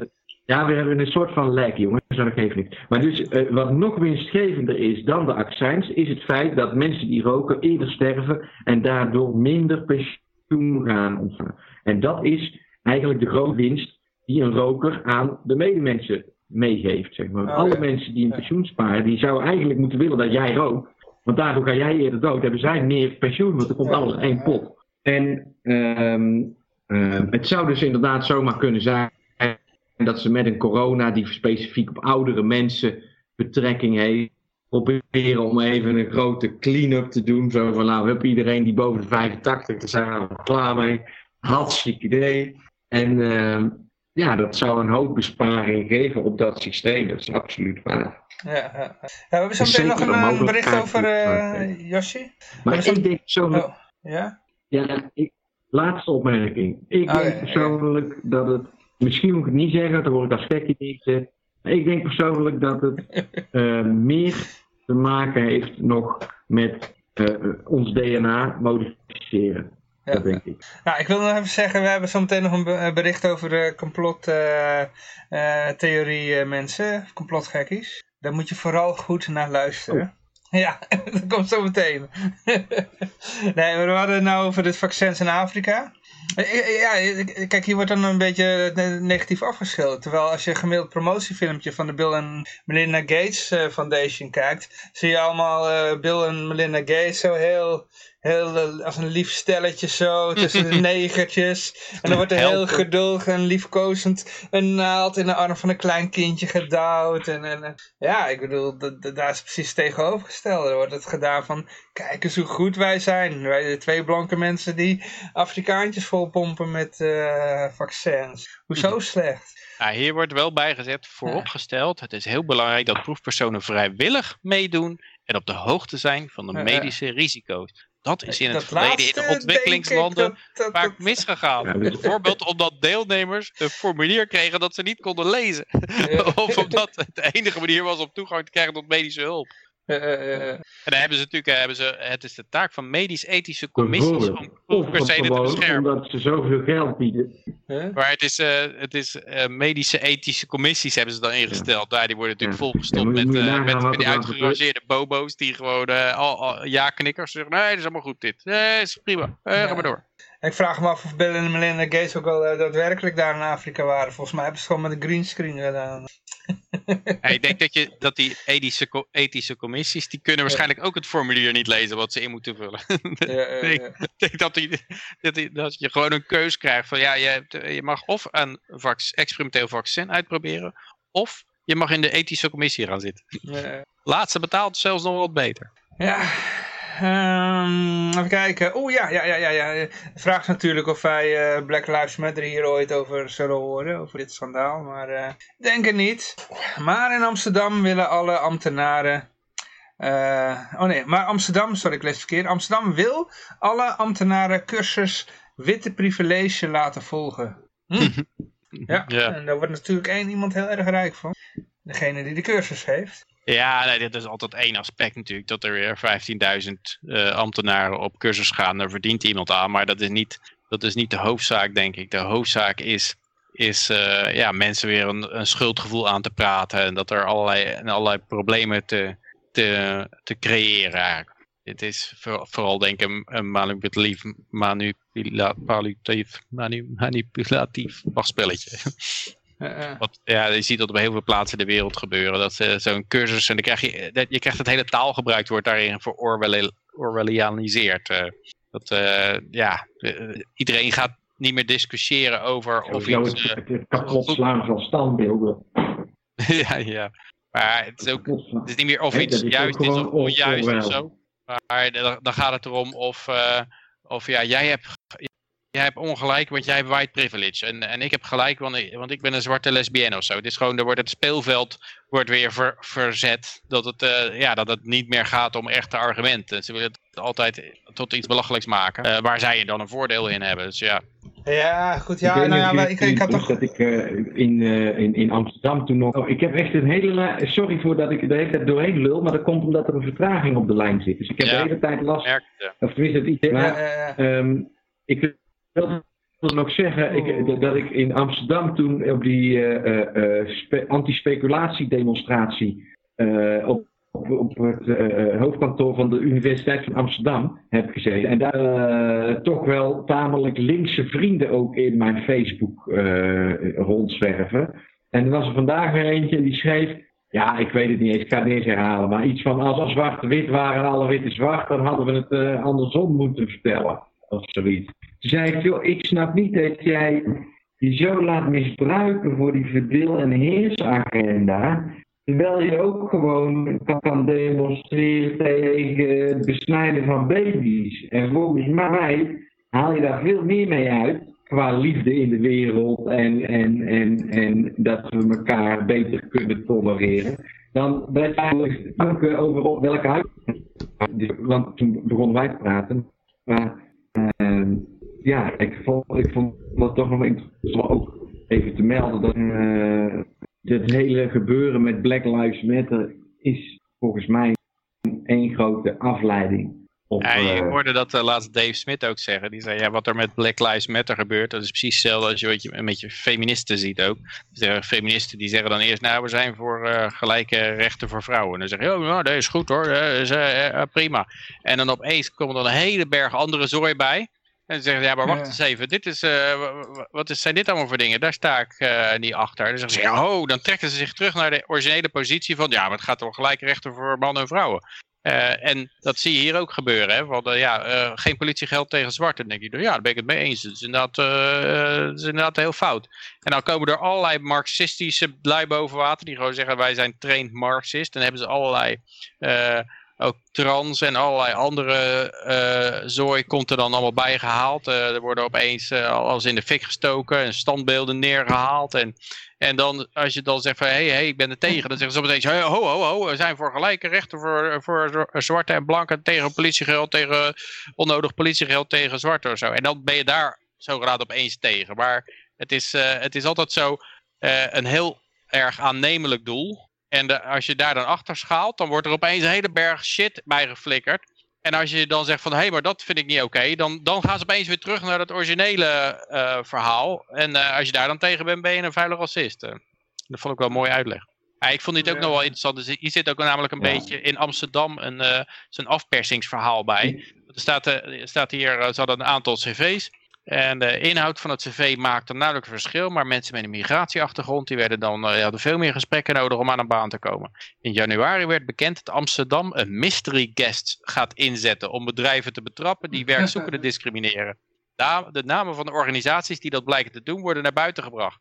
Dat is weer zo'n zo'n zo'n uh, zo'n afpersing van uh, ja, uh, pizza, New York Pizza. onze mystery guest die heeft geconstateerd dat, dat jullie racistisch zijn. En dat gaan we nu naar buiten brengen.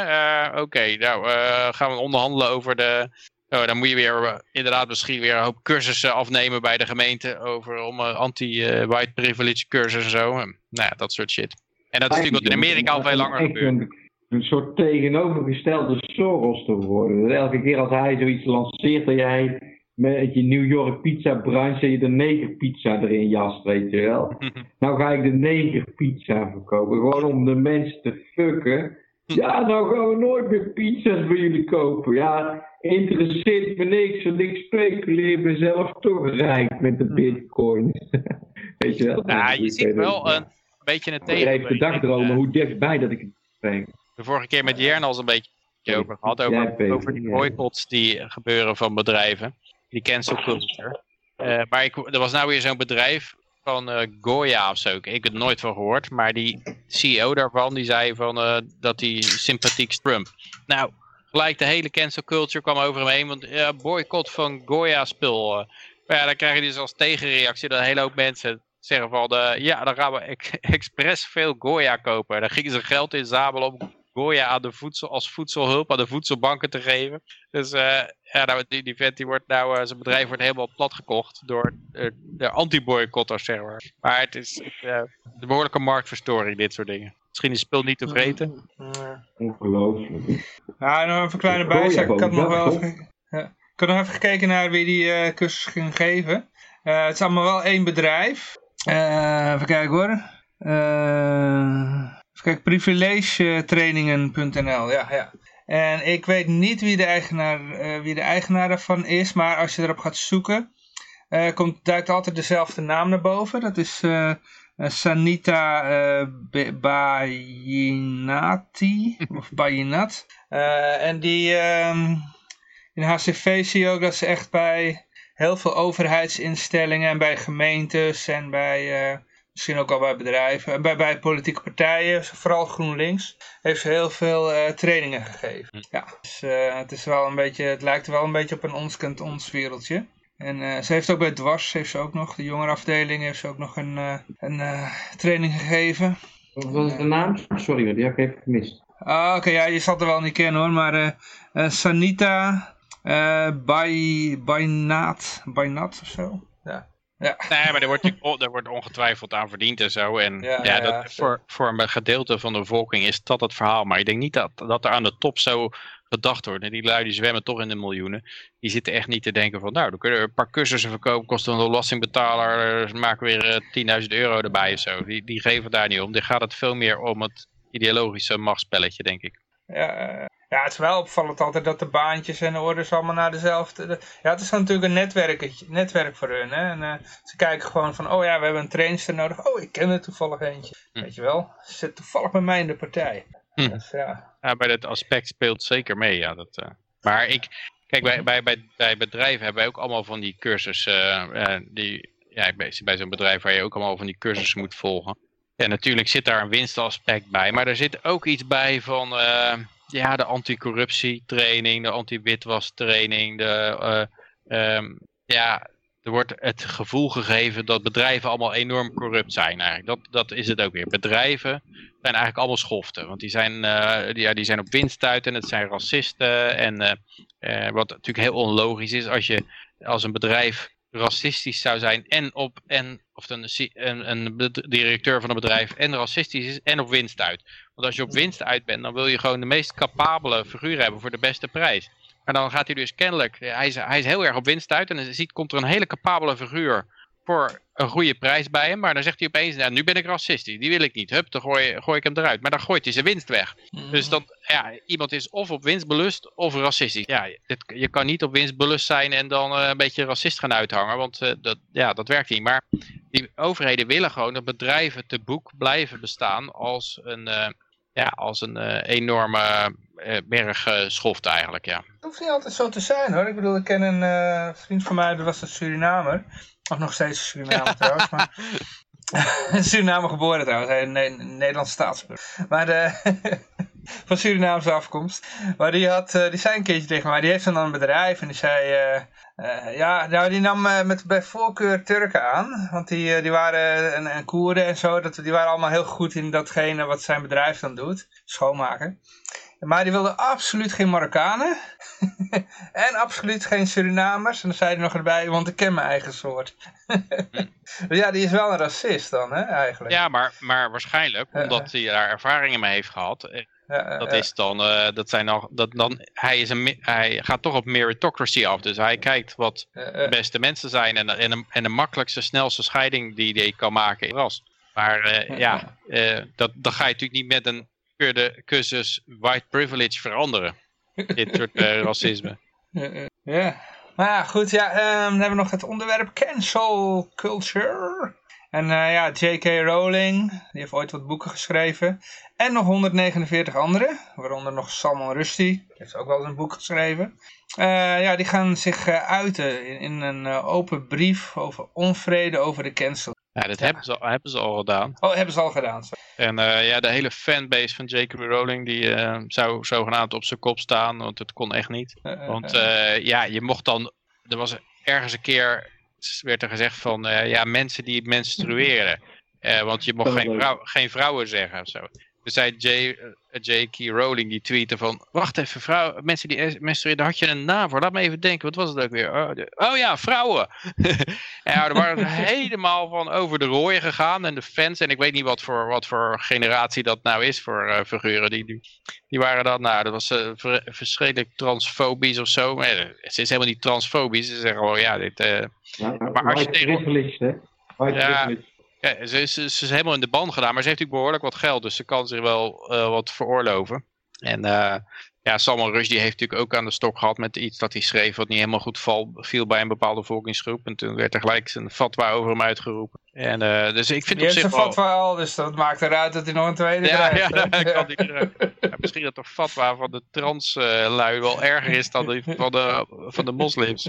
Echt, die, straks loopt hij over de straat, krijgen ze een bende van die, van die trans achter zich aan en, en uh, moslims verlaten. Die het dan over één ding eens zijn, Salman Rushdie moet dood. Ja, het, is, uh, het is wel eens goed dat er, dat er iemand tegen die cancel culture ingaat. Want het is natuurlijk de, de bandbreedte van ideeën die je nog in, uh, ja, die je nog kan uiten. Dat is echt uh, heel erg minimaal aan het worden. En ze hebben het allemaal over diversiteit, maar dit is alleen maar diversiteit in genders en rassen, en, ja, maar niet in opvattingen. De opvattingen mag je echt maar één hele kleine nauwe opvatting hebben. En als je al ietsje misgaat, dan word je eruit geknikkerd. Net zoals als Noam Chomsky ik geloof dat hij deze ook ondertekend had of zo, deze brief. Die werd ook helemaal uh, afgebrand. Uh, ik kan wel even kijken hoor, dat is een heel lijstje. Iemand on, behoorlijk onder de linkse, linkse mensen zit. Ja, volgens mij kan je niet linkser zijn dan Noam Chomsky. En, uh, ja, maar die is toch ook helemaal afgedaan. Oh, is hij omgeslagen naar rechts? Nee, nee, dat niet. Maar hij vindt wel dat je... Of, of links is afgevorkt van hem. ja. Nou ja, hij vindt dat je wel moet kunnen zeggen wat je, wat je wil zeggen. En ja, soms denk je wel eens van, ja, misschien is nou de piek waanzin wel bereikt. Het is een beetje gelijk, vergelijkbaar vind ik, als met, sorry, ook, ik had weer vijf seconden vertraging, maar uh, het is wat mij betreft een beetje vergelijkbaar met, uh, uh, nee, uh, ja, dus het neerhalen van standbeelden. En, en daarmee verander je ook niet wat er toen gebeurde. En je gaat ook niet mensen veranderen door maar te zeggen van uh, oh, eh, bedrijven, jullie moeten nou zijn salaris niet betalen. Die Johan Derksen, om maar even de naam te noemen, gaat echt niet anders denken doordat uh, Unilever uh, stopt met het sponsoren van Veronica Inside. Gaat een betere onderneming van ofwel Unilever ofwel Voetbal Inside. Weet je wel. Het is gewoon, er wordt een hele, hele verdraaide werkelijkheid gecreëerd die dan ineens wordt opgedrongen van, weet je wel, onder de, de deugd, de deugd, hoe zeg je dat, van uh, het moet allemaal maar deugen. Uh, net alsof iedereen, precies wat je zegt Peter, maar één gedachte heeft. Dat is gewoon niet zo. En, en Ja, dat is laatst bij mij Adams. schadelijk voor het debat. Want wie durft er dan nog iets te zeggen? Kijk, ik zal afronden. Ja, ik ben klaar. Ja, bij, bij Scott Adams was dat ook zo. Die zei op een gegeven moment dat hij dacht dat Trump ging winnen. Toen viel iedereen over hem heen ook. En hij kreeg allerlei eh, verwensingen naar zijn hoofd. En toen, toen berichtte hij dat eh, vanwege zijn persoonlijke veiligheid had hij toch besloten te denken dat Hillary Clinton zou gaan winnen. en het moffe was, hij, is, hij, dacht, het ligt er zo dik bovenop dat ik het alleen maar doe omdat ik bedreigd ben. Dat, dat, het, dat het onvoldoende is voor ze. Dat ze zeggen, nee, je moet het echt eh, menen en zo. Maar dat was niet zo. Ze waren zo van, oké, die hebben we overtuigd, we gaan, we gaan verder naar volgende. Want in, volgens mij in de hoofden van linkse mensen is eh, iemand bedreigen tot hij wat anders zegt, dat is een overtuigen. Want zo zijn ze denk ik zelf ook tot hun overtuiging gekomen. Dat dus, eh, ja, het, het, het kan toch wel eens werken, zeg maar. Voor, je kan gewoon heel openlijk zeggen van, eh, nou ja, omdat ik, eh, omdat ik bedreigd ben, ben ik van mening eh, veranderd. En dan zijn ze, dat zijn ze tevreden mee met zo'n eh, reactie. Even kijken, ik had hier een lijstje gevonden van iedereen die Wat hem in zekere zin wel aantoont, inderdaad, hoe, dat, eh, ja, sorry, hoe beperkt dat ze dan eigenlijk zijn in hun denken. Hè, als je dus zo, eh, ja, als je het dan ook zo makkelijk opgeeft, want die vent die heeft natuurlijk gewoon op Trump gestemd. Maar goed. ach, Eh, eh, Maar ik- kijk, wat er, wat er denk ik is, dat eh, het is heel moeilijk om die mensen te overtuigen omdat ze met argumenten, omdat ze zelf ook niet overtuigd zijn geworden met argumenten. Het is er bij hun ingeïndoctrineerd en daarom kun je het eigenlijk ook alleen maar uit indoctrineren, denk ik. En dat is er ook de reden waarom zij weer naar anderen toe gaan om wat ook met intimidatie te doen. Omdat het ooit bij hun is het ook met intimidatie gedaan. En ik denk op een hele jonge leeftijd met veel lichtere eh, in, eh, intimidatie, gewoon met uh, browbeaten zeg maar, van wat zeg je nou? Dat hoor je niet te zeggen en eh, dat soort opmerkingen. Maar het is, het is er niet met argumenten ingekomen. En daarom denken ze dat dat is overtuigen. Zij gaan ook de rest van de wereld in en dan gaan ze zo te werk om het te verspreiden. Het is, dat, dat is een soort echo van hoe ze zelf uh, overtuigd zijn geraakt. En ik denk nog steeds dat dat ook de reden is waarom bijvoorbeeld als je, als je mensen van een bepaald geloof overtuigt, of het nou de staat is of een, een, een religie, dan, en, en dat gaat natuurlijk nooit met argumenten, want er zijn geen argumenten voor. Dat gaat altijd met schaamte en, en uh, boosheid en uh, dit hoor je te denken, want iedereen denkt zo in onze omgeving en wat maak je me nou?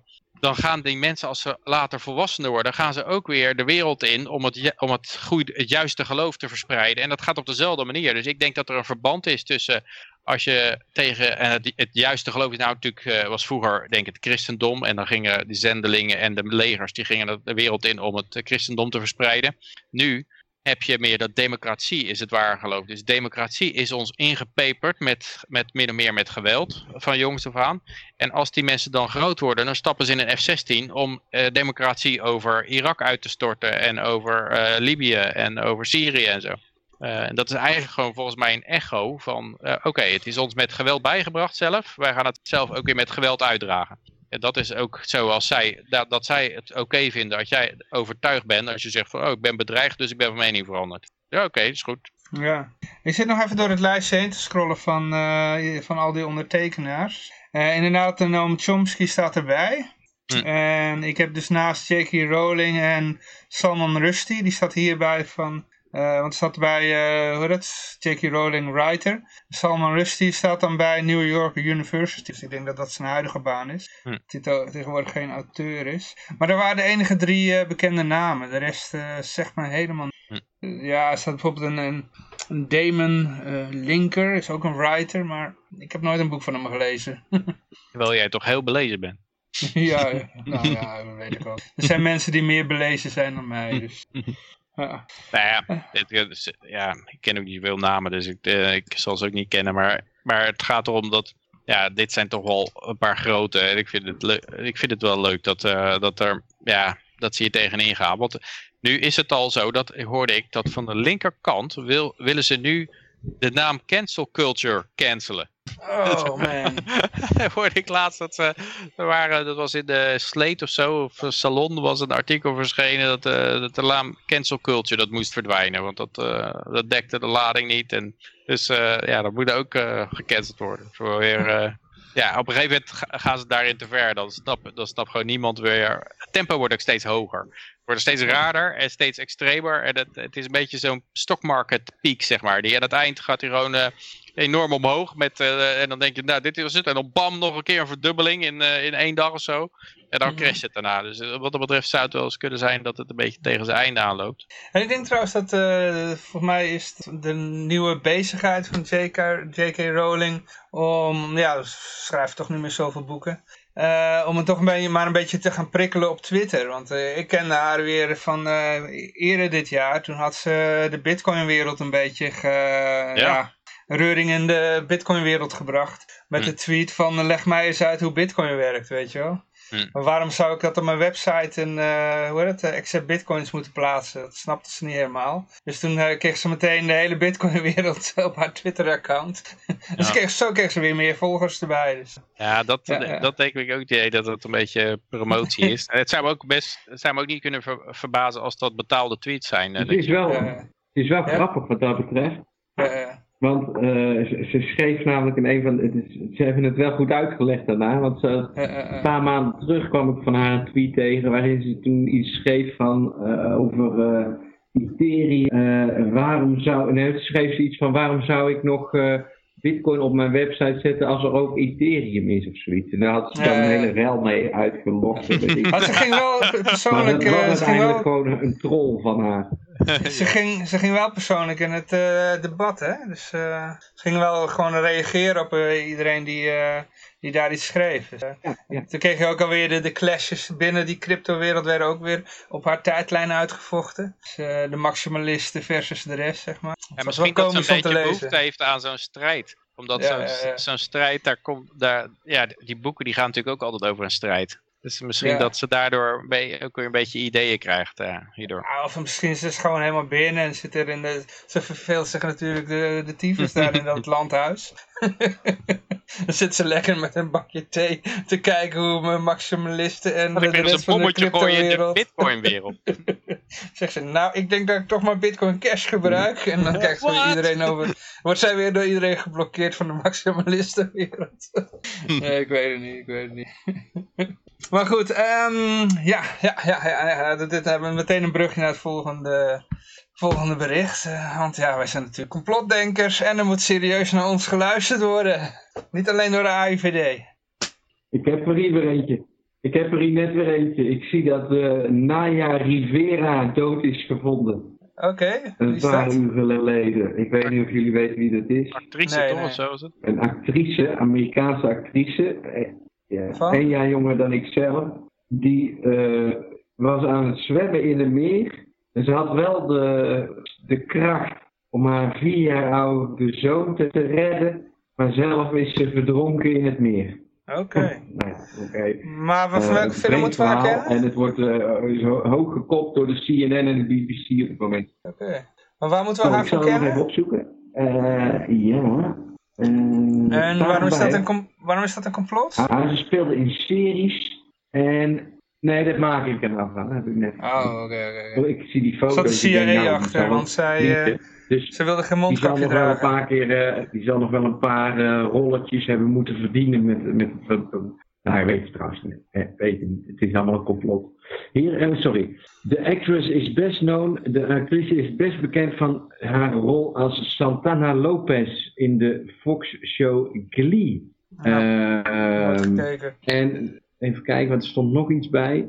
Er stond nog een film ook. Eh, nou, die kan ik nou niet terugvinden. Ik heb het net eh, doorgelezen, ik kan hem nou niet vinden. Maar moeten we hier even een complot bij bedenken? Ze, ze was kritisch over, ze geloofde niet in COVID-19. Nee, ik, nou, ik denk eerder dat ze is misbruikt in het verleden. Maar Oh, ja, dat ze van door Weinstein eh, aan de rol was gebracht. Ja, zoiets. Maar goed, Ik dat was even mijn niet. uitstapje naar eh, een, Ja, als we geen een- complot een kunnen, bij kunnen bedenken, dan, eh, dan hebben we ook geen reden dat mensen serieus naar ons moeten luisteren. Maar ja, dit is de, de, de titel van het volgende artikel en volgens mij komt dat van jou, eh, Peter. Of niet? Ja, Ja. dat is voor mij, ja. Nou, ik vind het een beetje zo'n eh propagandaverhaal weer van... eh, ja, zo ga je met om met complotdenkers in je omgeving. Neem de ander serieus. En het klinkt vrij positief.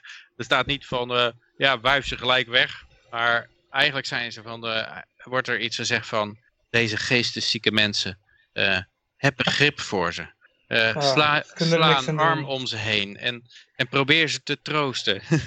maar dat- je kan ze het best geruststellen, hun zieke geesten, door, door naar ze te luisteren. Dus Ja, het is een soort, dit is een soort inenting tegen uh, waarheid. Als er iemand op jou afkomt die zegt, moet je nou horen, uh, Epstein didn't kill himself in die gevangenis. Dan, dan staat de ander gelijk een arm om je heen. Zegt, ja, ik heb laatst gelezen over hoe ik met jou om moet gaan. Uh, kom maar even hier. Ja, ga maar lekker vertellen hoor. Gooi het er maar uit. Maar ondertussen van, nou, maar je bent zo gek als een deur. Dat, dat is wel het idee. Ja, Dat, ja, ja. De, de, hoe, heette, hoe noemde die teun dat ook alweer? De yoga-snuivers. Die yoga-snuivers. Yoga-snuivers? Wie, wie, Oh, dat was in, uh, oh dat was, ik was uitgenodigd, Peter, laatst, bij Stuurloos. Ja, stuurloos? Oh, ja. en uh, daar kwam een man in de, in de show. Een complotgek is nodig. Ja, die sprak allemaal over drugsgebruik en zo. Dus ik denk dat ik daarom als uh, gebruikersdeskundige erbij mocht zijn. Ervaringsdeskundige. Erva sorry, ja, natuurlijk. Ik gebruik geen gebruikers, maar, ik, maar goed, sorry. Zag er zo leuk uit met je gekleurde pruik. Dus. Ja, ja, ja. En uh, die, zei, die had het over yoga-snuivers. En dat gaf eigenlijk een beetje aan de mensen die zich moreel verheven voelen boven de rest. Maar die uiteindelijk ook gewoon nog steeds wel hun eigen zwakte hebben op een andere manier. Maar, dus dit is een beetje zo'n yoga-snuiver idee, weet je wel. Van nou, uh, ik ben zo moreel verheven boven jou, maar ik zal mijn ja. empathie over je uitstrooien. Ja. Ja, eigenlijk is het, je pist van iemand op een grote hoogte, maar ja, uh, wel met heel veel empathie en zo. ja, ja. maar ja, als je het begin van het artikel leest, dat, uh, dan, dan, zal je ook wel doorhebben welke kant dit op gaat. Wel, tegen welke uh, waarheid moet dit verhaal je inenten? Komt-ie. Een van de beste vriendinnen van Andrea, 36, gelooft, en dan staat een sterretje bij, dus de namen zijn veranderd, gelooft in de zaken die zij zelf moeilijk serieus kan nemen. Ja, ze was altijd al andersdenkend. Vroeger geloofde ze in paranormale dingen, maar toen was het meer een hobby. Nu komt ze met de meest bizarre theorieën over van alles en nog wat en beheerst het haar hele leven. Met de coronacrisis is het veel erger geworden, merk ik. Dus volgens mij is dit van de, uh, ja, u kunt straks, als u weer uw huis uit mag en de wereld uitgaat, dan kunt u mensen tegenkomen die die coronacrisis maar een enorme bullshit vinden. Uh, sla je armen om ze heen en uh, probeer naar ze te luisteren. Uh, of doe alsof u naar ze luistert. Een perfecte tactiek om, om mensen totaal... Wat, oh, daar heb ik ook weer laatst iets over gezien. En dat heette, had een specifieke naam. Ik ben die vrouw ook de naam vergeten. Maar die zei dus, je kan mensen helemaal gek maken door, uh, dat doen soms mannen bij hun vrouw, zal vast ook andersom gebeuren. En dat ze dus... Gaslighting. Gaslighting. Ja, dit, ja, ja. dit is het ultieme gaslighting is dit, joh. En dan, weet je wel... Dat film, komt uit een film, hè? Gaslighting. Ja? Oh, dat wist ik niet. Nee, maar ik had er een... Heb je dat... Er was ook Weltsmerts. Heb jij dat dan ook gezien, Peter? Die niet, nee. Nee, uh, ja, zal ik... Maar leg even uit voor de mensen die niet weten wat gaslighting is. Ja, ik, ja. Komt, is dat? komt uit ja, dat film. kan Peter beter dan ik. Komt uit een film. Uh, en dat was uh, een man die wilde zijn, zijn vrouw uh, ik weet niet of hij nou wilde vermoorden of gek, hij wilde er vanaf of zo.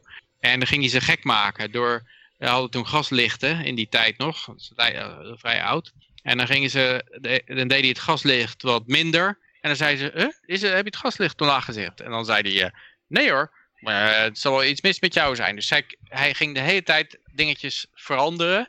En als ze dat dan opmerkte, dan, uh, dan zei hij van, nou ja, dat zit allemaal in je hoofd. Uh, en de, waardoor zij zich steeds uh, gekker ging voelen, zeg maar.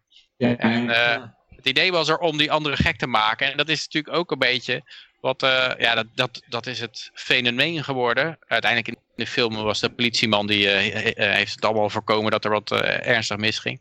Maar het, het woord gaslighting, of het fenomeen, is een begrip geworden om mensen inderdaad helemaal gek te maken met van die kleine dingetjes. Dat je, ja, als je natuurlijk een heleboel rare nieuwsberichten geeft die niet met elkaar kloppen of die tegenstrijdig zijn, dan ga je steeds meer denken van, nou ja, ik ben geloof ik, ik begin maar een, uh, een gezond verstand te verliezen. Want als ik het nieuws aanzet, dan weet ik gewoon niet, uh, ik snap er helemaal niks meer van. Het lijkt wel Eigenlijk is het een soort reverse gaslighting is het dan, hè? Want de, de, dan maken ze je gek, maar dan beschrijven ze zulke artikelen en zeggen ze nee, die andere is gek. Die andere ja, ja. is gek. Met jou is niks aan de hand. Is niks aan hand. Als je straks de wereld in gaat, nou dan kom je dit soort mensen tegen. En dan, maar dat doen ze in, bij de kerk ook al. Ik weet nog wel vroeger toen ik naar de kerk uh, ging met mijn ouders.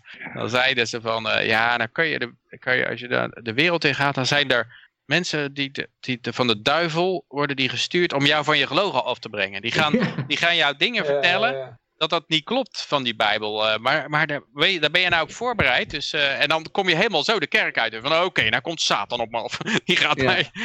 en deze mensen komen ook, als ze straks hun huis weer uit durven, dan komen ze mensen tegen. En die zeggen dan van, joh, die corona die is al lang voorbij. Die hele toestand is, is gewoon een, een, een, niet meer doden dan een stevige griepepidemie. En dan denk ik, aha, hier dacht ik wel. Ik dacht wel dat ik, dit heb, hier heb ik over gelezen. Ja. De professor waar ik net over sprak heet Michaela Schippers. Ah, Oké, oké. Ik heb een filmpje gedeeld in onze Skype, want mijn, mijn internet is zo belabberd vandaag dat ik Twitch weer heb afgesloten. Dus als er nog mensen mij willen uitschelden, moeten ze nog even wachten. Moeten ze nog even wachten. Of op Telegram kunnen ze me ook altijd bereiken. Sociale media spelen hier ook een rol bij. eh, ik zal nog even lezen. Ook verenigen mensen zich door sociale media gemakkelijker. Vroeger was je de dorpsgek als je geloofde dat de aarde plat was. Nu heb je ieder jaar een congres van Flat Earth Movement en hoor je ergens bij. Ja. Oh. Complottheorieën over het virus. Mensen zoeken vijand om ramp te begrijpen. Dus eh, hier, hier word je helemaal... eh, die complete, complottheorie ook- over... Wacht even, dit is denk ik ook heel mooi hoor. Die complottheorie over dat er een vaccin tegen het coronavirus komt waarin een nanochip zit waarmee de overheid je kan volgen. Zij gelooft het. Ze gelooft de gekste dingen en heeft nu veel contact in haar omgeving die hetzelfde denken. Ze zoeken elkaar op. ja. Oh, ik vind het zo, zo gigantisch of zo, zo eh, opzienbarend dat ze dat dan gaan vergelijken met de platte aarde. Terwijl Ja. je dus ook Ja. kan zeggen, de massavernietigingswapens in Irak. Weet Ja. je wel, dat, was het, het- dat is in, in mijn optiek is dat in eenzelfde categorie. Of de aarde vlak is, of dat je die oorlog in Irak bent begonnen om, omwille van massavernietigingswapens die niet bestaan. Dat was ook een, een, een- tot en met het, het, dat wij dus met eh, ons belastinggeld via de NAVO ISIS hebben betaald. Ik heb dat ook gezegd vanaf het moment dat ISIS er kwam. Nee, dit ISIS is allemaal verzonnen door het Westen. Wij betalen die mensen zelf, die leiden wij op. Wij krijgen allemaal van die brainwash filmpjes op eh, internet te zien. Waardoor dat de mensen die daar gevoelig voor zijn, allemaal naar het kalifaat vertrekken. Ik heb ook nog wel eens gezegd, als Lieberland er niet was geweest, was ik misschien ook wel geëindigd als ISIS-strijder, weet je wel. Want ik had ook geen zin om, om, om mee te draaien in die oorlog tegen Irak, om maar even iets te zeggen. Maar eh, dat is dan bewezen, hè, de massavernietigingswapens die niet bestaan. Maar dus daar hebben we het niet over. Nee, we gaan nou het voorbeeld nemen van de platte aarde. Want eh, ja, daar is toch nog iets minder Maar dat consensus doen ze over. Dus- altijd. Ze halen altijd de meest belachelijke dingen erbij. En, dat, en Ja. dat gaat dan guilty by association. Er wordt dan in één ding eh, gezegd. Eh, mensen die, eh, die niet in de informatie van geheime diensten geloven. En flat earthers. Zeg maar. Dus, dus, eh, Misschien is het ook wel, eh, misschien is het ook wel bedacht door de CIA, die platte aarde theorie. ja, ik denk te kunnen zeggen van, kijk eens hoe gek die gasten zijn, joh. Ja. Nou, maar dat is, dat is, dat is Sorry. Dat is die Karl Rove methode, Nee, toch? Van eh, schilders eh, schilders Sunstein. af als gek, hè? Huh? Sunstein, die, was, eh, die zei Oh, dat de ja. forums moesten geïnfiltreerd worden om ze te besmetten met allerlei maffe theorieën. Om Oh, zo de hele zaak ongeloofwaardig te maken. Dat, dat hij Ja. dat ook eh, adviseerde, Karl Rove. Ja, misschien heeft hij het ook wel... eh, Maar die wilde dan, zeg maar, die, eh, ja... eh, het, was ten tijde van 9-11.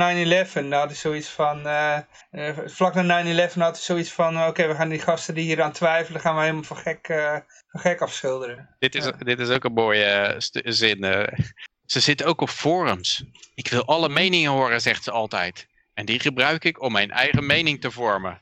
Ja, zo iemand die is al gelijk helemaal knettergek. Iemand die alles, alle meningen wil horen en dan zijn eigen mening vormt. Maar, maar op een of andere bewering van een complot, eh, complotdenker weegt voor haar even zwaar als een wetenschappelijk artikel. Daar heb, Ja, ik, in de Lancet zeker. daar heb ik moeite mee, want ik werk op een universiteit en ben van de wetenschap.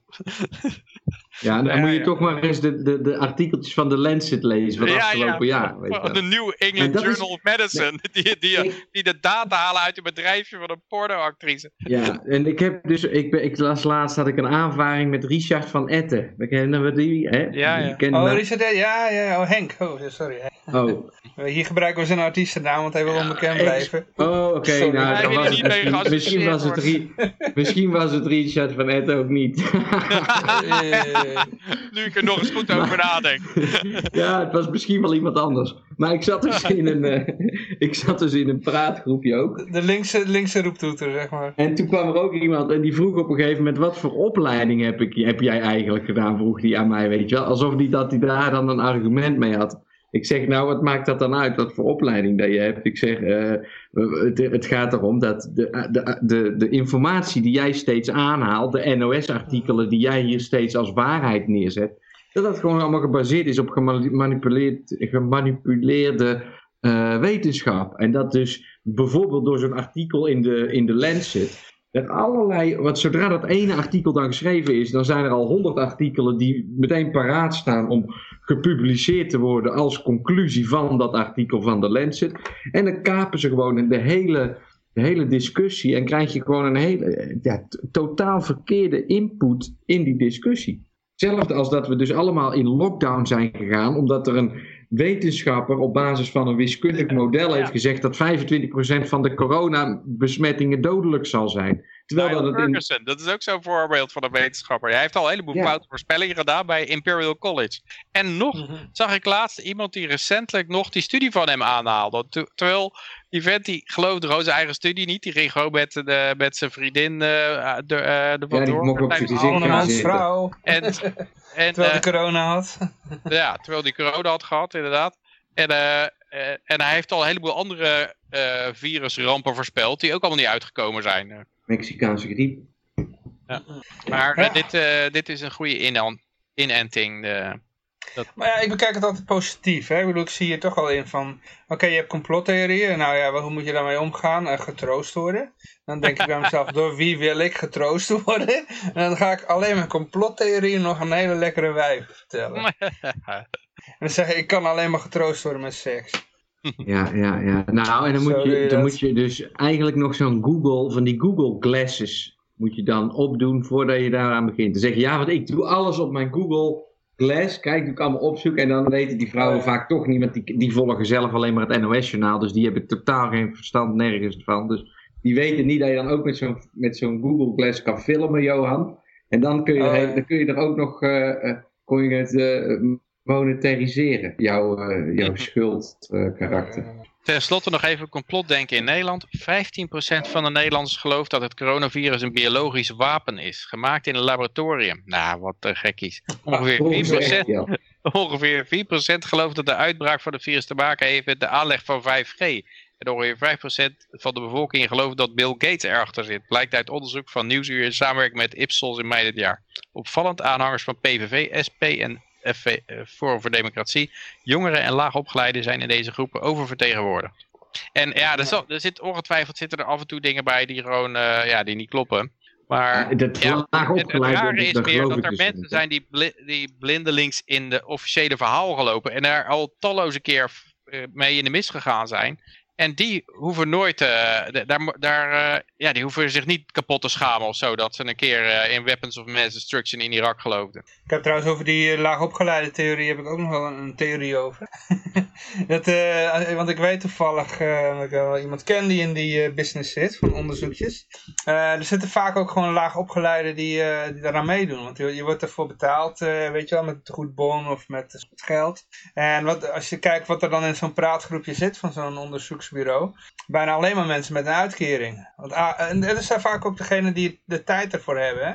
Als jij een baan hebt, heb je geen tijd om daar aan mee te doen. Dus, uh, dus, van, dus, vandaar dat altijd, ja, bijna altijd scoren mensen met een lage opleiding en geen baan, die, uh, die scoren gewoon goed in die onderzoekjes. En ik denk wat er ook nog in meetelt, is dat mensen met een hoge opleiding, bijvoorbeeld in deze coronacrisis, als jij dokter bent, je ziet nu wat er met die huisarts Elens gebeurt, die zich dus uitspreekt. Die krijgt, uh, die krijgt heel, de, heel de medische wereld op zijn nek. Van allemaal mensen die naar uh, dokter Neil Ferguson hebben geluisterd, of heet die man uit Londen. En heel veel, ik denk dat heel veel hoogopgeleide mensen bewust hun mond houden, omdat ze niet... Ja, die, die onderzoekjes, dan, dan blijf je wel anoniem, hè. Dus Maar je hoeft alleen maar even naar, naar hoe dat, je, je Oh ja. opleiding Ja, en, dat en soort dingen in te vullen en een lijstje. Maar het is, eh, kijk, ik denk dat mensen met een hoge opleiding, die hebben daar gewoon geen tijd voor. Die hebben het wel al, al druk eh, zat met hun eigen werk. Ja, die zijn leven, ook gewoon ingelockdowned, hè? Hoe zeg je dat? Die zitten ook gewoon in de lockdown, dus... Ah, ik denk dat de dokters geen tijd hebben hoor. Toch? Nee, ja, oké. Rationele Ja. argumenten, jongens. Zo Overigens, bij de het- RIVM hebben ze liever dierenarts, hè? Oh ja, ja, ja. Die hebben geen eet afgelegd. Oh, Heeft ja, het ja. wel zin om mensen die stellig overtuigd zijn van hun gelijk te proberen te overtuigen met tegenargumenten? Vraagteken. Van Prooijen denkt van wel. Rationele argumenten kunnen zeker helpen, maar je moet ook weer geen wonderen van verwachten. Realiseer je dat dit soort denkbeelden vaak voortkomen uit emotie. dus het is eigenlijk, eh, nog een keer, je- Terwijl, dat is... Ja, lees hem nog een keer Denk opnieuw. dat de weapons of mass destructions in Irak, dat dat vooral voorkomt uit eh, emotie en financiële belangen. En, eh, Ja, denk het dat is je juist met andersom. Maar rationele tegenargumenten veel tegen kunt zeggen. het is juist vaak andersom. Want als jij dus met jouw argumenten... Je moet als corona-ontkenner, om het maar even zo te zeggen... ontzettend voorzichtig zijn met de woorden die je gebruikt. Hè, want als je zegt... Corona is een hoax, ja, dan kun je dat niet verdedigen. Dus moet je zeggen, de pandemie is een hoax. Dus als je dat niet doet, dan heb je het al meteen verloren, weet je wel. Als jij nog maar één klein detail verkeerd ver, ver- presenteert, dan is, het, dan is het gedaan. Maar Terwijl de RIVM alle kanten op kan flapperen met z'n... Ja, precies. Maar het, ga- het gaat er dan om dat die mensen die, oh, tegen wie je dat zegt, die hebben juist vaak die boze emotie. Want ik Ja. ben heel nuchter. En ik Ja. zeg gewoon, nou ja, ik heb heel andere cijfers gezien en volgens mij is dat corona niet zo dodelijk. En ik loop dus zonder mondkapje over straat. Ja, en je- dat durf jij zomaar Ja. om met Ja. mijn dood te maken. Oma's, die gaat dood. Ja, en, en eh, dus, Ja. dus het You is, want people to die? Het het is inderdaad juist- andersom, eh, dat klopt. Het is, eh, Ja. Dat is zo. Zij zitten in emotie meestal. En, en juist omdat ze zo emotioneel zijn, is het vaak... Ja, als je daar dan wat andere gedachten op wil brengen, moet je super rustig blijven. Je moet echt heel erg je best doen. Van, Arm ja, om ze heen slaan. ja, inderdaad, ja. Troosten. Ja, ja, maar dat is wel een beetje... Er is wat dat Ik betreft zal echt een- proberen je met rationele argumenten te overtuigen, maar ik heb er niet zoveel hoop op. Want het komt voornamelijk uit emoties voort bij jou. Nee, ik ben wetenschapper. Er komt echt een oorlog op Ik de heb waarheid. drie maanden lang naar de NOS geluisterd. Ik heb een Ik zei- van ik hoorde laatst ik ben een wetenschapper. Ik zat laatst nog ergens in zo'n discussie was ik beland en eh, ging ook onder andere hierover. En toen, eh, tenminste over de, de hele corona gedoe. En toen eh, zei die ene tegen mij, iemand die het niet met me eens was en die vond dat we ons aan alle regeltjes moesten houden. Die zei, ja, jij, jij redeneert veel te logisch. Huh? En daarmee eh, dan ga je er vaak de fout in. dat zei hij letterlijk, weet je wel. Ja, ja, ja. Ja, Nee, dan beland je nog in, in die, eh, nou het zijn niet letterlijk complottheorieën, maar eh, die, die, die, die, eh, hij zei veel van die mensen die, die nemen alles veel te logisch en te letterlijk en eh, dat was zijn eh, verdediging. En je moet soms meer gewoon vertrouwen hebben in de autoriteiten, ook al klinkt het tegenstrijdig of raar. eh. Ja, ja precies. ze hebben er vast wel een theorie voor, Heb zoiets maar, was heb het. maar gewoon lekker vertrouwen, jongens. Ja, Ja, ja, ja. ik vind het dus ook leuk als de World Health Organization livestreamt op Facebook. Om daar dan even in te peuren van ja, oorlogscriminelen en zo. Kijken wat er allemaal op loskomt. Dus, eh, laatst die eh, een clip van die hoofd van de, van die, eh weet die, Somaliër of zo? Van die, eh, Ethiopiër is het, Ja, ik ben zijn naam vergeten. ja, Tetros? ja, Petros. Eh, ehm, en ehm, die, die zei, eh, ik weet niet of ik de quote helemaal perfect kan herinneren, maar hij zei, het virus is momenteel niet ons belangrijkste gevaar. Eh, en toen zei, toen de, zei Infodemic. Ja, de infodemic, ja, ja, ja. ja. Dat was, eh, Nee, nee, maar- maar- infodemic, wacht ja. even, hij, hij, hij zei, om te beginnen is het al, dan val je al van je stoel af. Oh, het virus is niet ons eh, grootste gevaar. Nee, het grootste gevaar was slecht leiderschap. En dan, Oh, dan, dan eh, gaat het zo langzamerhand naar Trump toe. Eigenlijk het grootste gevaar is Trump. Mhm. eh. Ja, ja, ja, ja. en wat, Nou, toch in En, en het feit dat er, simulatie... dat er geen wereldregering is eigenlijk. Dat er, dat er leiders zijn die, eh, die niet doen wat de World Health Organization zegt. Dat is eigenlijk het grootste gevaar. Dus je moet eigenlijk, eigenlijk grensoverschrijdend, al die landen die moeten eigenlijk allemaal naar hem luisteren. Dat is eigenlijk het grootste gevaar. Ja, maar bij die, die, die eh, simulatie die ze vorig jaar hadden gedaan, eh, eind vorig jaar, Eventueel. of, ja, Event One, toen, ehm, er werd toch ook al verteld van, uh, dat, dat, dat, dat, op een gegeven moment, dat noemen ze dan infodemic. Uh, er zou een in, informatie-epidemie komen van... Ja. Ja, een infodemie. Van uh, mensen die het uh, officiële verhaal niet geloven. En dan werd ook verteld hoe je daarmee om moest gaan. Ja, influencers inschakelen. Hè? Dus uh, ja, ja, um, YouTube en Instagram. mensen met veel followers die, die, moeten daarvoor ingeschakeld worden. En dat, daar zijn ook al bewijzen voor dat dat gebeurt. Ja. laatste in ieder geval. Ja, je hoort niet veel meer van ze. ja, of, of ik, ik, ik zit, ben niet geabonneerd op ze. Dat zijn kan ook, betaald? Zeg je? Zijn ze al betaald? Ja, ja, ze hebben één weekje een, een YouTube filmpje opgenomen en uh, dankjewel voor het geld Rutte. Ja. Ik ga nu even vakantie vieren, want de lockdown is weer voorbij. Ja.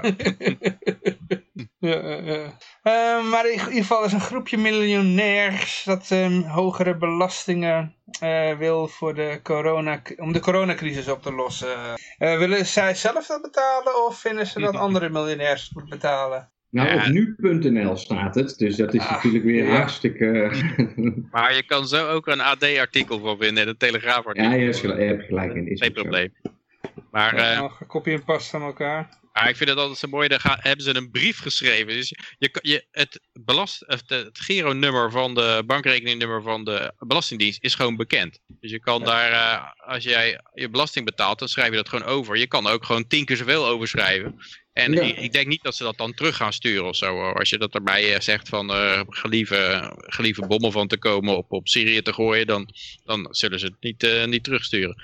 Maar, maar dan gaan ze heel moeilijk, gaan ze een brief schrijven, openbare brief naar, uh, naar vragen ze overheden, over de hele wereld, om rijken zwaarder te belasten. Ze schrijven dat dat geld nu in de komende jaren hard nodig zal zijn voor de coronavirus en dat, de overheden daarbij graag dat ze de overheden daarbij graag te hulp schieten. Ja, je hoeft hier geen brief voor te schrijven. Om, uh, je kan... het is echt gewoon totale bullshit, want dit jaar alleen al in de VS, en volgens mij, Kees de Kort zei dat laatst, in de hele wereld, dit jaar is er 11.000 miljard bij verzonnen om even een, een, een beeld te geven, tot aan dit jaar bestond er op de hele wereld ongeveer 20.000 miljard. Nou, hoeveel belasting willen deze miljonairs en miljardairs precies gaan betalen? Want dat is, staat in het niets met de hoeveelheid geld die er gewoon wordt bijgedrukt. Dus het is wel eens uitgerekend, hè? als je ze allemaal helemaal klaar plukt, 100%, dan, uh, dan kan je daar een paar maanden de regering uh, VS op laten draaien. Ja. Dat was al tijd geleden, dus uh, vandaag de dag lukt dat al helemaal niet meer. Nee, precies. En dat, dan is het ook nog zo, dan, dan vaak zo'n miljardair, dat is bijvoorbeeld Elon Musk, die heeft een, heeft een bedrijf dat heel veel waard is, maar hij heeft niet een miljard op de bank staan of zo. Dus dat betekent als je hem in één keer heel zijn bedrijf afpakt, dan de enige manier om dat te gelden te maken is om dat bedrijf dan te verkopen. En en dat geld uh, daarvoor te innen. Maar als jij zo'n bedrijf gaat proberen te verkopen, nadat je dit zelf gestolen hebt, dan wil natuurlijk niemand... Nee, is niks meer waard. Niemand wil natuurlijk kopen, want ze denken, ja, dan ga ik mijn geld eraan uitgeven. Heb ik dat bedrijf, over een maand kom je weer langs, dan stel je het voor mij. Hè? Ja. Ja. Dus, uh, en daarnaast moet je ook niet vergeten dat heel veel machines die, die hebben dan misschien wel een wa bepaalde waarde, maar uh, wie, wie wil ze dan hebben? Want hij heeft een hele machine gebouwd om een bepaald automatiseringsproject in, uh, ja, in gang te zetten. En anderen zitten daar niet om te wachten. Dus die ja, je moet het ook nog allemaal... bedrijf. Ja, precies. Je moet het allemaal ook nog zien te verkopen, weet je Ja, wel? maar verkopen, dat wordt ook moeilijk. Want dan ga je het aan, uh, ja. aan General Motors verkopen. Maar de aandeelhouders van General Motors, die denken ook van... Nou, ik ga even niet meer investeren, want het hele bedrijf uh, kan zo afgepakt worden. Ja. Ja, als, eind, als eigendomsrechten niet meer zeker zijn, dan gaat natuurlijk niemand meer investeren. Ja. Maar eh, wat, dat vond ik altijd raar, dat ze dan gaan smeken om... Uh, en, en, en heel veel vlagvertoon en uh, een open brief en zo... En, uh, in de brief schrijven ze dat miljonairs een kritieke rol kunnen spelen. Dat is wel apart inderdaad dat het miljonairs zijn. Dus je zou verwachten dat ze wel enigszins kunnen rekenen en tellen en zo. Maar ja, dat, dat zijn van die War Warren Buffets en zo, die, uh, die alleen maar uh, ja, rijk geworden nee, zijn door uh, Jerry Greenfield van Ben Jerry's, dat soort types. Ja, maar okay. je moet toch wel... Ja, Ben Jerry's CEO, oprichter. Oh, oh er staan namen maar, bij? Of, For Weddings and a Funeral komen die schrijver Richard Curtis. Maar, en Walt Disney, Tim Disney, maar die heeft het nog geërfd, denk ik. Maar, ja... Ik, oh, zijn niet echt mensen die er echt iets voor gedaan hebben? Nou, dit is uh, iemand, een scenario schrijver. Uh, hmm. oh, dit, maar die is, uh, dat is een, de Disney scenario schrijver, dus het is... Uh, het zou wel een kleinzoon wezen. ja. En eigenlijk een Britse comedy-schrijver. Nou, er zullen ongetwijfeld mensen zijn die iets bereikt hebben. En daarom is het een beetje vreemd dat ze niet even kunnen uitrekenen hoeveel Amerikaanse overheid uitgeeft. En hoeveel miljonairs er zijn en hoeveel geld die hebben. Dus dat is wel... Uh, maar ja, en, en, en je zou... Maar dat verwacht ik dan niet, dat is te veel gevraagd. Maar dat, dat je kijkt naar het rendement van als jij geld aan de overheid geeft, hoeveel er dan bij de bij, uh, armen terechtkomt. Want de, de overheid heeft juist die bedrijven helemaal op zeep geholpen. Dus ja, ik weet niet of je daar dan nou geld aan moet geven om ze dan weer overeind te helpen. En wat ik ook wel oh, vond, er is een tijd geleden is een filmpje geweest. Toen de, er zijn wel meer van dit soort initiatieven geweest. En toen kwam mm er een, uh, een dame, het is een beetje een onschuldig ogend uh, uh, ja, huppelmeisje. En die ging bij de ingang staan van zo'n uh, gebouw waar die petitie werd ondertekend of zo. En er kwamen al die rijke lui binnen met veel camera's en flitsen en de, de, uh, over de rode loper aangelopen om te ondertekenen dat ze meer belasting wilden gaan betalen. En toen ging dat meisje, die stapte op ze af met een tablet en die zei, oh hier is de rekeningnummer van de, van de IRS. Ze kunnen gewoon op inloggen en nu hier betalen. Waar, wilt u nu hier betalen? En, en, die, en de reacties waren echt zo mooi hè. Dat, nee, ze kwamen daar om een petitie en een open brief te ondertekenen. Ze kwamen niet om uh, meer belasting te betalen. En, en eentje, eentje, zei zelfs van, uh, do you think I'm crazy? dus uh, hij, hij loopt naar dat gebouw binnen om meer te vragen meer belasting te mogen betalen. En dan biedt iemand hem gelijk een, een tablet aan met de bankrekening van de IRS erop om eraan te betalen. En dan zegt hij, do you think I'm crazy? Dus ja, dus, ja, ik moest net alweer een kleine reactie hier op nu.nl, jongens. Wat een kansloos volk woont er in Nederland. Zeg. Laat die currency reset alsjeblieft gisteren plaatsvinden. Dat die mensen wat, wat bewustzijn in zich krijgen. Dit is gewoon het volk van Nederland wat erop reageert, weet je wel. Ik kan er gewoon zo slecht tegen. Ik kan er heel slecht tegen. Dat is gewoon, ik, ik ben allergisch voor nu.nl. Niet in de reacties kijken. Nee. Ja, wat wordt er allemaal met dat belastinggeld gedaan? Ik heb hier een uh, berichtje over een uh, mooie dam die... Uh, nou ja, China, daar betaal je gewoon 100... Het is communistisch land, hè? betaal je gewoon 100% belasting. in ieder geval, je kunt er, kunt er een dam van laten bouwen, een megadam. Nou, ik denk dat in, in China de belastingen lager zijn dan in het Westen, hoor. Want ze hebben daar natuurlijk oh. zo'n vrijhandelszone. Die Shenzhen is een communistisch land? Ja, maar ze hebben natuurlijk... Communistische uh, partij aan de macht. Ja, maar ze hebben een enorme hervormingen doorgevoerd, hè. Um, okay. Toen kwam ze, ooit een keer zo'n Chinees aan de macht, die zei toen van, uh, ja, uh, being rich is, being, is glorious of zoiets. En toen was het okay. opeens oké okay om geld te hebben. En toen, toen zijn er van die vrijhandelszones neergezet en daar zijn enorme bedrijfstakken de grond uitgestampt. het is niet een communistisch land dat de alles produceert wat er bij ons in de winkels ligt. Dat, dat doet een echt communistisch land niet. Maar ja, het is een beetje een rare vorm, want je mag vooral niks zeggen over de negatiefs over de overheid. Dan word je wel gewoon helemaal in elkaar... Ge... Dat stukje communisme hebben ze nog hebben niet wel gehad. Je mag alleen geld verdienen. dat is al de... Ja, vooral. Maar ja, ze hebben wel een, inderdaad een enorme dam neergezet. En wat, wat ze natuurlijk wel doen, enorme belasting heffen in China, is door uh, yuan te drukken. Want wat zij wat zij doen is, ze hebben die yuan hebben ze kunstmatig laag gehouden, ondanks dat die economie heel erg groeide. Dus normaal, als je die economie heel erg groeit, dan zou die munteenheid heel erg veel sterker worden. Maar zij wilden hem laag houden om te kunnen exporteren. Dat ze niet te mhm. duur werden. Maar eigenlijk stel je dan het loon van je arbeiders. Als je, als je dan als je yuan drukt om dollars op te kopen, dan gaat inderdaad gaat de yuan omlaag en de dollar omhoog. En dan kan je, die, kan je hem gepakt houden, zoals het heet. Hè? kan je hem vastgekoppeld houden aan de dollar. Maar dan druk jij, moet je daar een heleboel yuan voor drukken om die munt omlaag te houden. En dat hebben ze gedaan. En, en uh, hebben ze allemaal dollars van gekocht. En hebben ze treasuries van gekocht, de Amerikaanse staatsschuld. Dus eigenlijk de, eh, eigenlijk de overheid van de VS mee uh, bekostigd. Die daar weer allemaal wapens van koopt en, en allemaal dingen mee doen waar ze waarschijnlijk niet happy mee zijn. Maar daardoor heeft de Chinese overheid een hele berg kapitaal verzameld. Wat eigenlijk gewoon allemaal gestolen is van die Chinese arbeider via gelddrukken. Je kan ook, je kan ook, ook beargumenteren dat de winst is uitgesteld. Hè? Want uh, nu ontvangen die Chinezen daardoor uh, via Wish en al die andere troep die ze verkopen, ontvangen ze nog steeds die yuan. En als de yuan dus over tien jaar wel omhoog gaat, dan, dan kunnen die Chinezen nu meer yuan verdienen, uh, omdat die nog laag is. Snap je? Dus nou ja, goed, ik snap ook wat jij zegt. Maar je zou het dus ook een beetje nou, ja, uit wie, zijn, uit wie zijn zakken komt is dan onduidelijk. Maar ik denk dat dat, ja, dat de Chinese arbeider relatief weinig geprofiteerd heeft van het enorme economische wonder dat zich daar voltrokken heeft. En voornamelijk omdat zijn, zijn munteenheid steeds minder waard geworden is. Wat ja, wel heeft maar Peter, als dat nou over vijf jaar wel gebeurt en hij kan in die vijf jaar dat het gaat gebeuren nu nog volop verkopen omdat hij extra productief kan zijn door die lage munt, dan heeft hij nu inderdaad een, een, nadeel omdat hij er harder voor moet werken. Maar hij krijgt wel zijn omzet uh, binnen en dan over vijf jaar maakt hij die winst alsnog. Want als het omhoog moet, je kan dat niet voor eeuwig vast blijven zetten. Weet je? Hetzelfde als met goud. Je kan eeuwig blijven volhouden dat goud minder dan 2000 dollar per ounce is. Maar op een gegeven moment corrigeert die keihard door en, en, en, en staan we ineens op 10.000. Weet je, ja, maar met fiat geld zou ik zeggen, ja, de Chinese overheid kan onbeperkt yuans bijdrukken om die munt uh, laag te houden. En dan blijven ze gewoon maar treasuries van kopen. Uh, wat ik me wel kan voorstellen dat ze daar op een gegeven moment weer ophouden. Omdat ze denken, ja, wij zitten de vijand te financieren. Want uh, die, die overheid is ons vijandig eigenlijk. En als we die geld blijven lenen, dan zijn, we, dan zijn we eigenlijk zelf een keer de dupe van. Maar ik denk dat mhm. de Chinese onderdaan heeft er, heeft er ook wel van geprofiteerd. Doordat die Chinezen, die zijn ook niet dom. Dus die hebben enorm in vastgoed zitten speculeren. Met heel veel geleend geld hebben ze, die huizenprijzen, die zijn daar gewoon enorm. En dat komt omdat er enorm uh, gespeculeerd is. En dat komt denk ik omdat die mensen weten, die schuld die betaal ik later terug met waarloze yuans. Omdat, uh, omdat die, uh, ja, die wordt onder de duim gehouden, die wordt verdund steeds.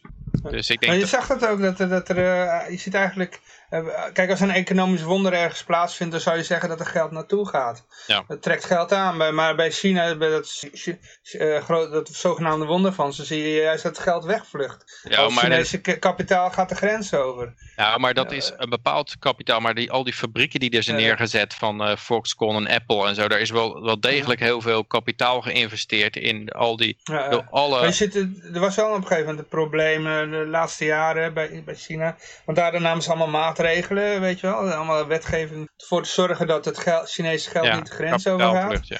Ja, ja, maar dat komt omdat kennelijk veel... wil die Chinezen hun geld daar niet in investeren. Ja, maar, dat, maar dat is altijd het rare, dat er dan veel buitenlanders zijn die zeggen van, oh kijk dat is groeien, die economie, daar wil ik wel in investeren. En, en Elon Musk heeft er ook een grote Tesla fabriek, een gigafactory neergezet. Of uh, ja, is die mee bezig. Of, dus daar wordt wel degelijk door buitenlanders geïnvesteerd. Maar het raar is dat inderdaad veel Chinezen zeggen van, uh, ja, dit is geen, dit is geen veilige, veilige plaats voor mijn kapitaal. Ik, ik probeer het naar het Vrije Westen te krijgen, zeg maar. En, en daar in Canada te gaan wonen. Want, en, en het liefst mijn kinderen daar op school te hebben ook omdat vaak die mensen die, die, ja, die weten ook wel dat als je uit de gratie valt, politiek, dan kan het je alsnog uh, uh, kan het heel snel afgelopen zijn met je. Dus je kan maar beter je geld uh, naar buiten brengen. Maar dat is het, inderdaad het rare, dat Chinezen het naar buiten brengen en buitenlanders het naar binnen brengen. Ja. Wordt ondertussen gereageerd in de chat. Iemand vraagt wat is die rechterman aan het doen. Ik was even naar het scherm aan het kijken van de chat. en ah. ik zag dat er nog een andere, een andere reactie was op iets wat we eerder zeiden van... Oh god, moet ik hem weer even opzoeken. Maar jij wilde wat zeggen? Nou, het hele artikel hebben we nog niet besproken. Zover zijn we in een zijtak geraakt van deze Yangtze. Maar het gaat hier over een, eh, de Three Gorges Dam. Wat een enorme stuwdam is in de, in de Yangtze rivier. Ja, dat is echt een enorm project waarbij hele bevolking uh, ont, ontruimd zijn en plaatsjes zijn verwijderd om, om een plaats te maken van een enorm stuwmeer. En dat levert geloof ik 22,5 gigawatt op. Dus het is een gigantisch uh, project. Maar als je nou op Google Earth kijkt, dan, dan ziet dat die dam er een beetje slingerend uit. Uh, nou zou dat een pixel effect kunnen zijn van, de, van uh, de rendering van Google, Google Earth. Maar het lijkt erop of die een beetje, ja, of die een beetje aan het verschuiven is, die dam. En, en als dat gebeurt, dan, als dat, als dat losgaat, dan als het doorbreekt die dam, dan liggen geloof ik uh, eh, 400 miljoen mensen stroomafwaarts en iets van 60 kerncentrales. Dus dat is wel, dat is wel aardig wat er. En, en nu ze hebben ze al helemaal opengezet, dus dat, ze laten het zo snel mogelijk leeglopen. Maar dat geeft, dat geeft op zich ook al een enorme overstroming, stroomafwaarts. En je ziet al een heleboel mensen door ja, in huizen onder water staan. Maar ze zeggen natuurlijk nog steeds dat er, de overheid zeggen dat er niks aan de hand is. Maar uh, ja, er zijn wetenschappers die hebben gezegd van uh, ja, het zijn allemaal losse blokken die gewoon op de ondergrond staan. En uh, ja, het kan zijn dat die onafhankelijk een beetje gaan verschuiven afhankelijk van hoeveel drift op. En het is natuurlijk een overheidsproject. Dus er zijn uh, natuurlijk allerlei bevriende contractors uh, die hebben slecht staal gebruikt. Dat is ook wel heel vaak gebeurd. Niet alleen in China, maar ja, overal. Dus een Vira natuurlijk, uh, Vira verhaal. dat, ja, dat, dat soort dingen. ja, de vogel is al gevlogen die het geld verdienen, verdiend heeft. En die, ja, die, die heeft overal een beetje bezuinigd. En dit was eruit gekomen. Uh, Josje, je had even in de chat gekeken wat er allemaal uh, Ik heb in de chat gekeken. Ja, er wordt een hoop geschreven, jongens. Wat een hoop. Uh, het loopt absoluut storm. Nou, zoals?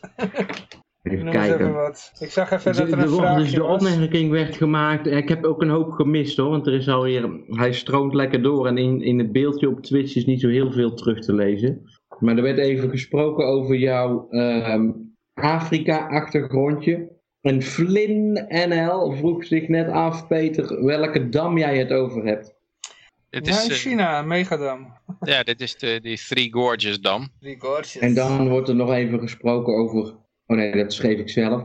Ja, ja ik had, uh, er, was, er was nog een wat oudere reactie op waar we het hiervoor over hadden. Dat je nou weer drop uh, te eten, Yoshi? Ja, dropjes. Ja. Kibbeling 1 die vroeg zich af van...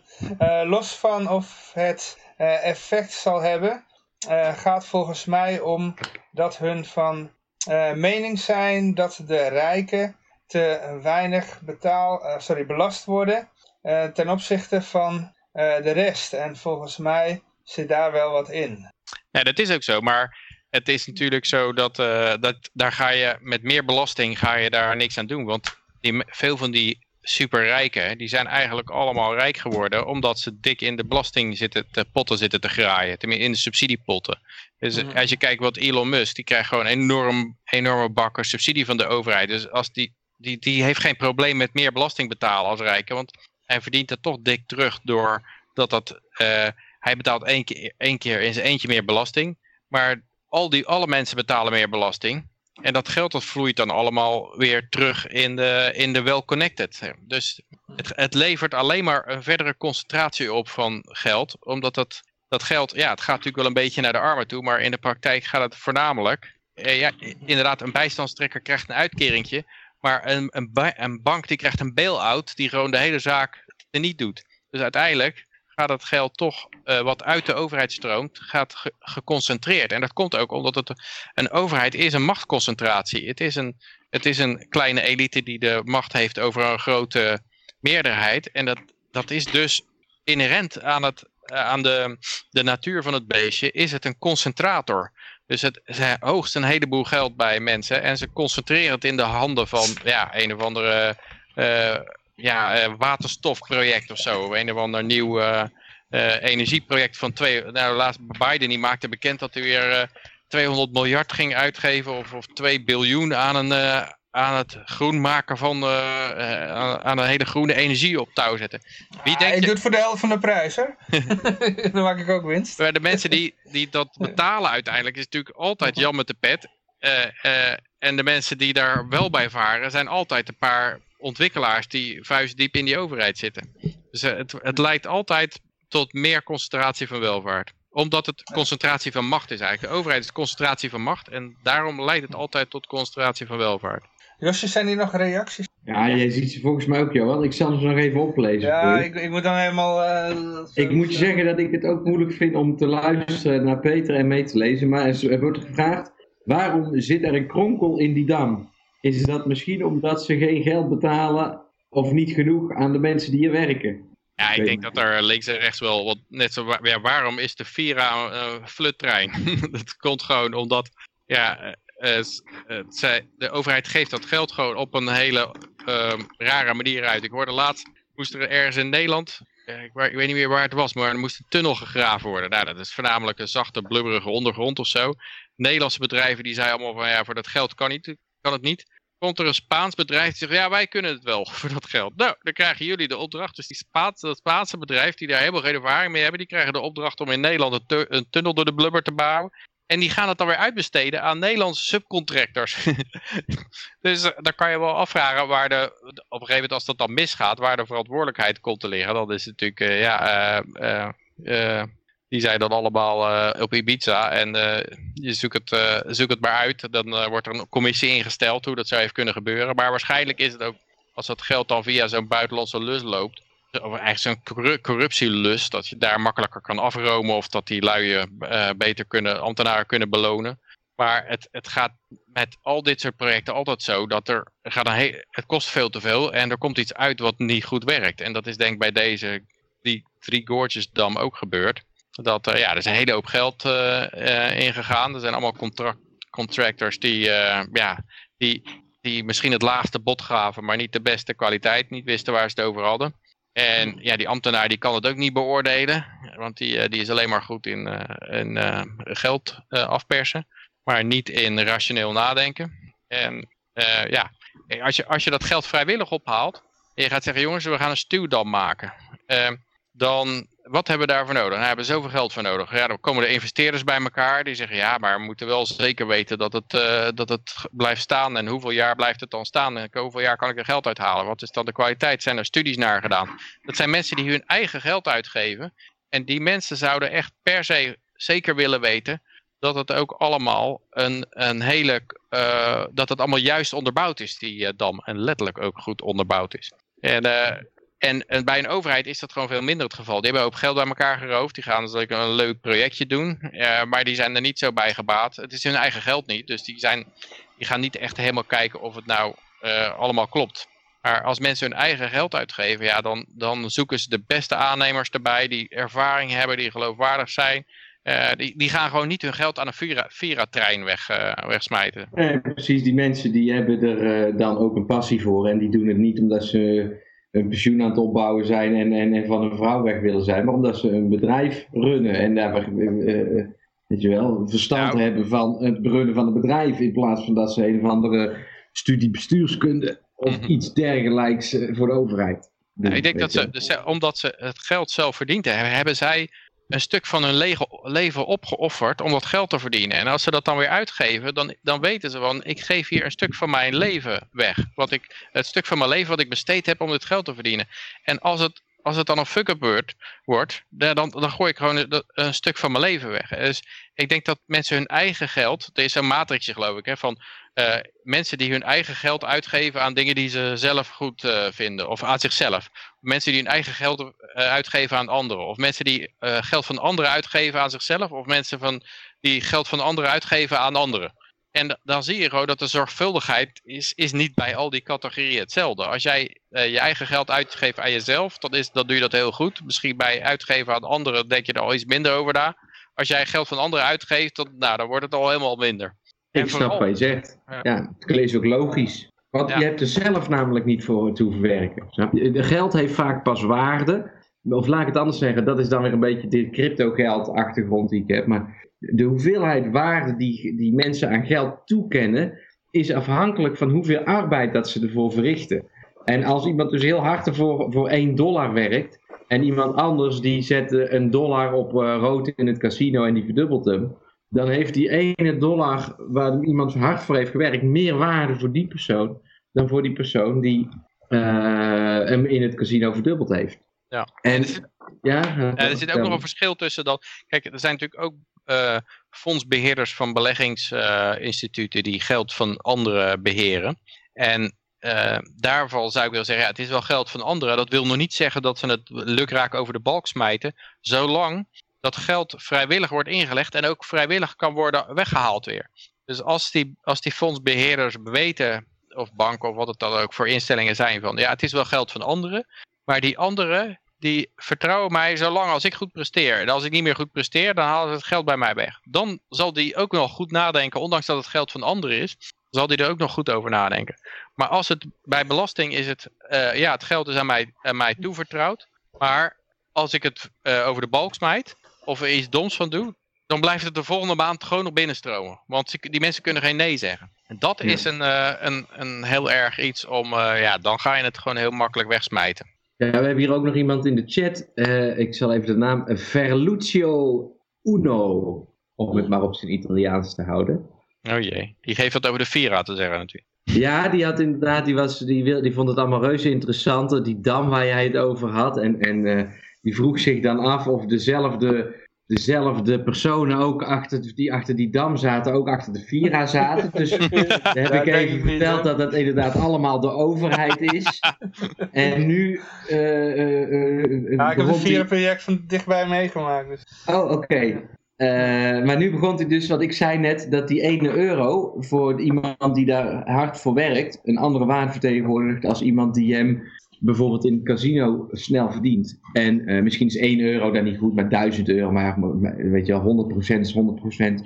Eh, dus dat vond hij ook, eh, nou ja, discutabel in ieder geval. Hij gaf daar als opmerking op, 1 euro is toch hetzelfde voor iemand die bijstand trekt als voor iemand die werkt. Je kan allebei maar één burger halen, wordt er geschreven. En toen heb ik er nog op gereageerd. Toch zal die burger voor de een meer waarde vertegenwoordigen dan voor de ander. En het komt dus, Lekker de smaken. ja, dat komt dus door de hoeveelheid energie die die ene persoon erin heeft moeten zetten voordat iemand eh, eh, eh, diezelfde euro, sorry, de, de hoeveelheid energie die die persoon erin heeft zitten om die euro te krijgen. En als je dus, wat, dat ging dus voort op wat Peter zei, als je geld van anderen uitgeeft, dat gewoon, ja, waar je geen gevoel bij hebt, omdat je er nooit echt, het is jouw geld niet, dan zul je het ook een stuk makkelijker eh, over de ballen kunnen smijten. Er Ja, de manier waar je het ook kan zien, de, eh, geloof ik de marginal revolution heette dat, een, een, ontdekking van economen, dat als jij eh, een kruidenier binnenloopt en je ziet een banaan liggen voor 1 euro en je hebt 10 euro in je zak zitten, dan zeg je van, eh, nou dan kan het zo zijn dat jij zegt van nou ik waardeer deze euro minder dan ik het die banaan waardeer. Eh, en dat resulteert er dan om dat jij happier wordt als jij die euro omwisselt voor die banaan. Dus dat, dat doe je. En die, en die winkelier die is blijder, blijer met die euro dan met die banaan. Dus die wisselt ook graag die banaan tegen die euro om. Nou heb jij nog 9 euro in je zak zitten. Maar nou wil het niet zeggen dat jij, omdat jij een euro meer waard, of een banaan meer waard vindt dan een euro, dat jij al die 9 andere euro's ook allemaal aan, aan dat je 10 bananen koopt. Want die eerste banaan die was het meest begeerlijk. En die eerste euro, die was het meest onbegeerlijk eigenlijk. Maar met dat jij die e- euro tegen die banaan eh, ruilt en je eet die banaan op, dan is die volgende banaan die daar ligt, die ook 1 euro is, nog steeds, die is minder begeerlijk. Want jij bent al gedeeltelijk verzadigd van de bananen. Maar misschien dat je die tweede euro ook nog omwisselt. Maar die euro's, naarmate je ze uitgeeft, die worden steeds waar- waardevoller. En die bananen worden steeds minder waardevol, naarmate je er meer bananen koopt. En dat betekent dus als jij 6 miljoen euro in je zak hebt zitten, dat die meest, minst waardevolle euro, die is voor jou gewoon een stuk minder waard dan iemand die, die eh, maar 4 euro in zijn zak heeft zitten. Ja, interessant, ja. Moet je wel een grote zak hebben, overigens. Over 6 miljoen. Ja. Dat is zelfs in goud. Zelfs in goud is dat lastig. Je kunt nog even de water uit de stap Peter bent. Dan kun je eh, bezig bent, Peter, kun je ook nog de water-diamant paradox erachteraan. Ja. ja, dat is het verhaal dat, dat eh, inderdaad we zeggen van, wat is, wat is nou waardevoller, water of een diamant? Dan zeggen ja, een diamant is veel duurder dan, dan, eh, dan een fles water. Ja, maar als je nou in de woestijn zit en je komt bijna om van de dorst, dan ruil jij graag jouw diamant om tegen een, tegen een eh, fles water. Dus eh, dan is in die situatie is eh, die, waarde, die waarde van het water veel, veel meer. En dat, dat laat eigenlijk zien dat waarde subjectief is. Dus ja, je krijgt wel eens het idee omdat er een webcam te koop staat voor eh, 200 euro, dat dat de objectieve waarde is. Omdat de, de prijs gewoon altijd hetzelfde is. Maar het is gewoon subjectieve waarde. Voor, voor sommige mensen zal die webcam meer zijn, waard zijn dan 200 euro, voor sommigen niet. Dus iedereen heeft gewoon een interne waardeschaal waar een rangorde van dingen op staat. En daar moet je, daar moet je dan in zeggen, inderdaad, als er banaan in die rangorde zit, uh, dat die, de eerste banaan is iets anders dan de volgende banaan en de tweede banaan. En het is allemaal subjectief, want iemand die naast je staat, die, kan, uh, die heeft helemaal geen zin in bananen. Die, uh, en als, als iemand honger heeft... allergisch voor aan bananen. Ja. Kan ook nog. En het maakt dus heel, het is heel erg situatieafhankelijk. Niet alleen van persoon tot persoon verschilt, maar ook van moment tot moment. Op het moment dat jij in de woestijn ligt uit te drogen, dan is een fles water opeens veel meer waard dan, uh, dan die, uh, die 6000 bitcoin die je nog op, uh, op je ledger hebt staan. Ja. Ik heb nog twee een... vragen hier, man. Ik heb ze oh, nog niet ja, gelezen, ja. dus misschien is het wel uh, niet de moeite om het voor te lezen. Maar ja, ik heb ze nou al geïntroduceerd. Ik, ik zet net hier te komt er eentje van uh, Kibbeling 1. Even een, morele vraag. Wanneer hier de regels zijn over bijvoorbeeld arbeidsomstandigheden, is het dan wel recht te praten om producten te importeren uit een land, bijvoorbeeld Oekraïne of China, schreef die China, waar men 14 uur, 6 dagen per week moet werken? Terwijl zulke arbeidsomstandigheden zijn hier helemaal niet legaal. Is dat niet hypocriet? vraagt Kibbeling. Nou ja, kijk, als die mensen moeten werken voor 14 uur per dag, uh, dan is het een soort slavernij en dan is het uh, moreel verwerper. Als die mensen ervoor kiezen om 14 uur per dag te werken omdat zij dat hun beste optie zien om hun leven beter te maken, dan zijn ze kennelijk zo arm dat het moreel heel erg goed is om van die mensen je spullen te kopen. Want die, die hebben kennelijk de enorme behoefte aan geld, uh, dat ze bereid zijn zo hard ervoor te werken. Ja, ze hoeven niet per se arm te zijn, hè? maar goed, oké. Nou, maar, Ja, je, maar maar je moet het altijd... vraag, hoor, Kijk, het, eh, de, vergel- vergelijking is hier tussen een arbeider in China en een arbeider in Nederland.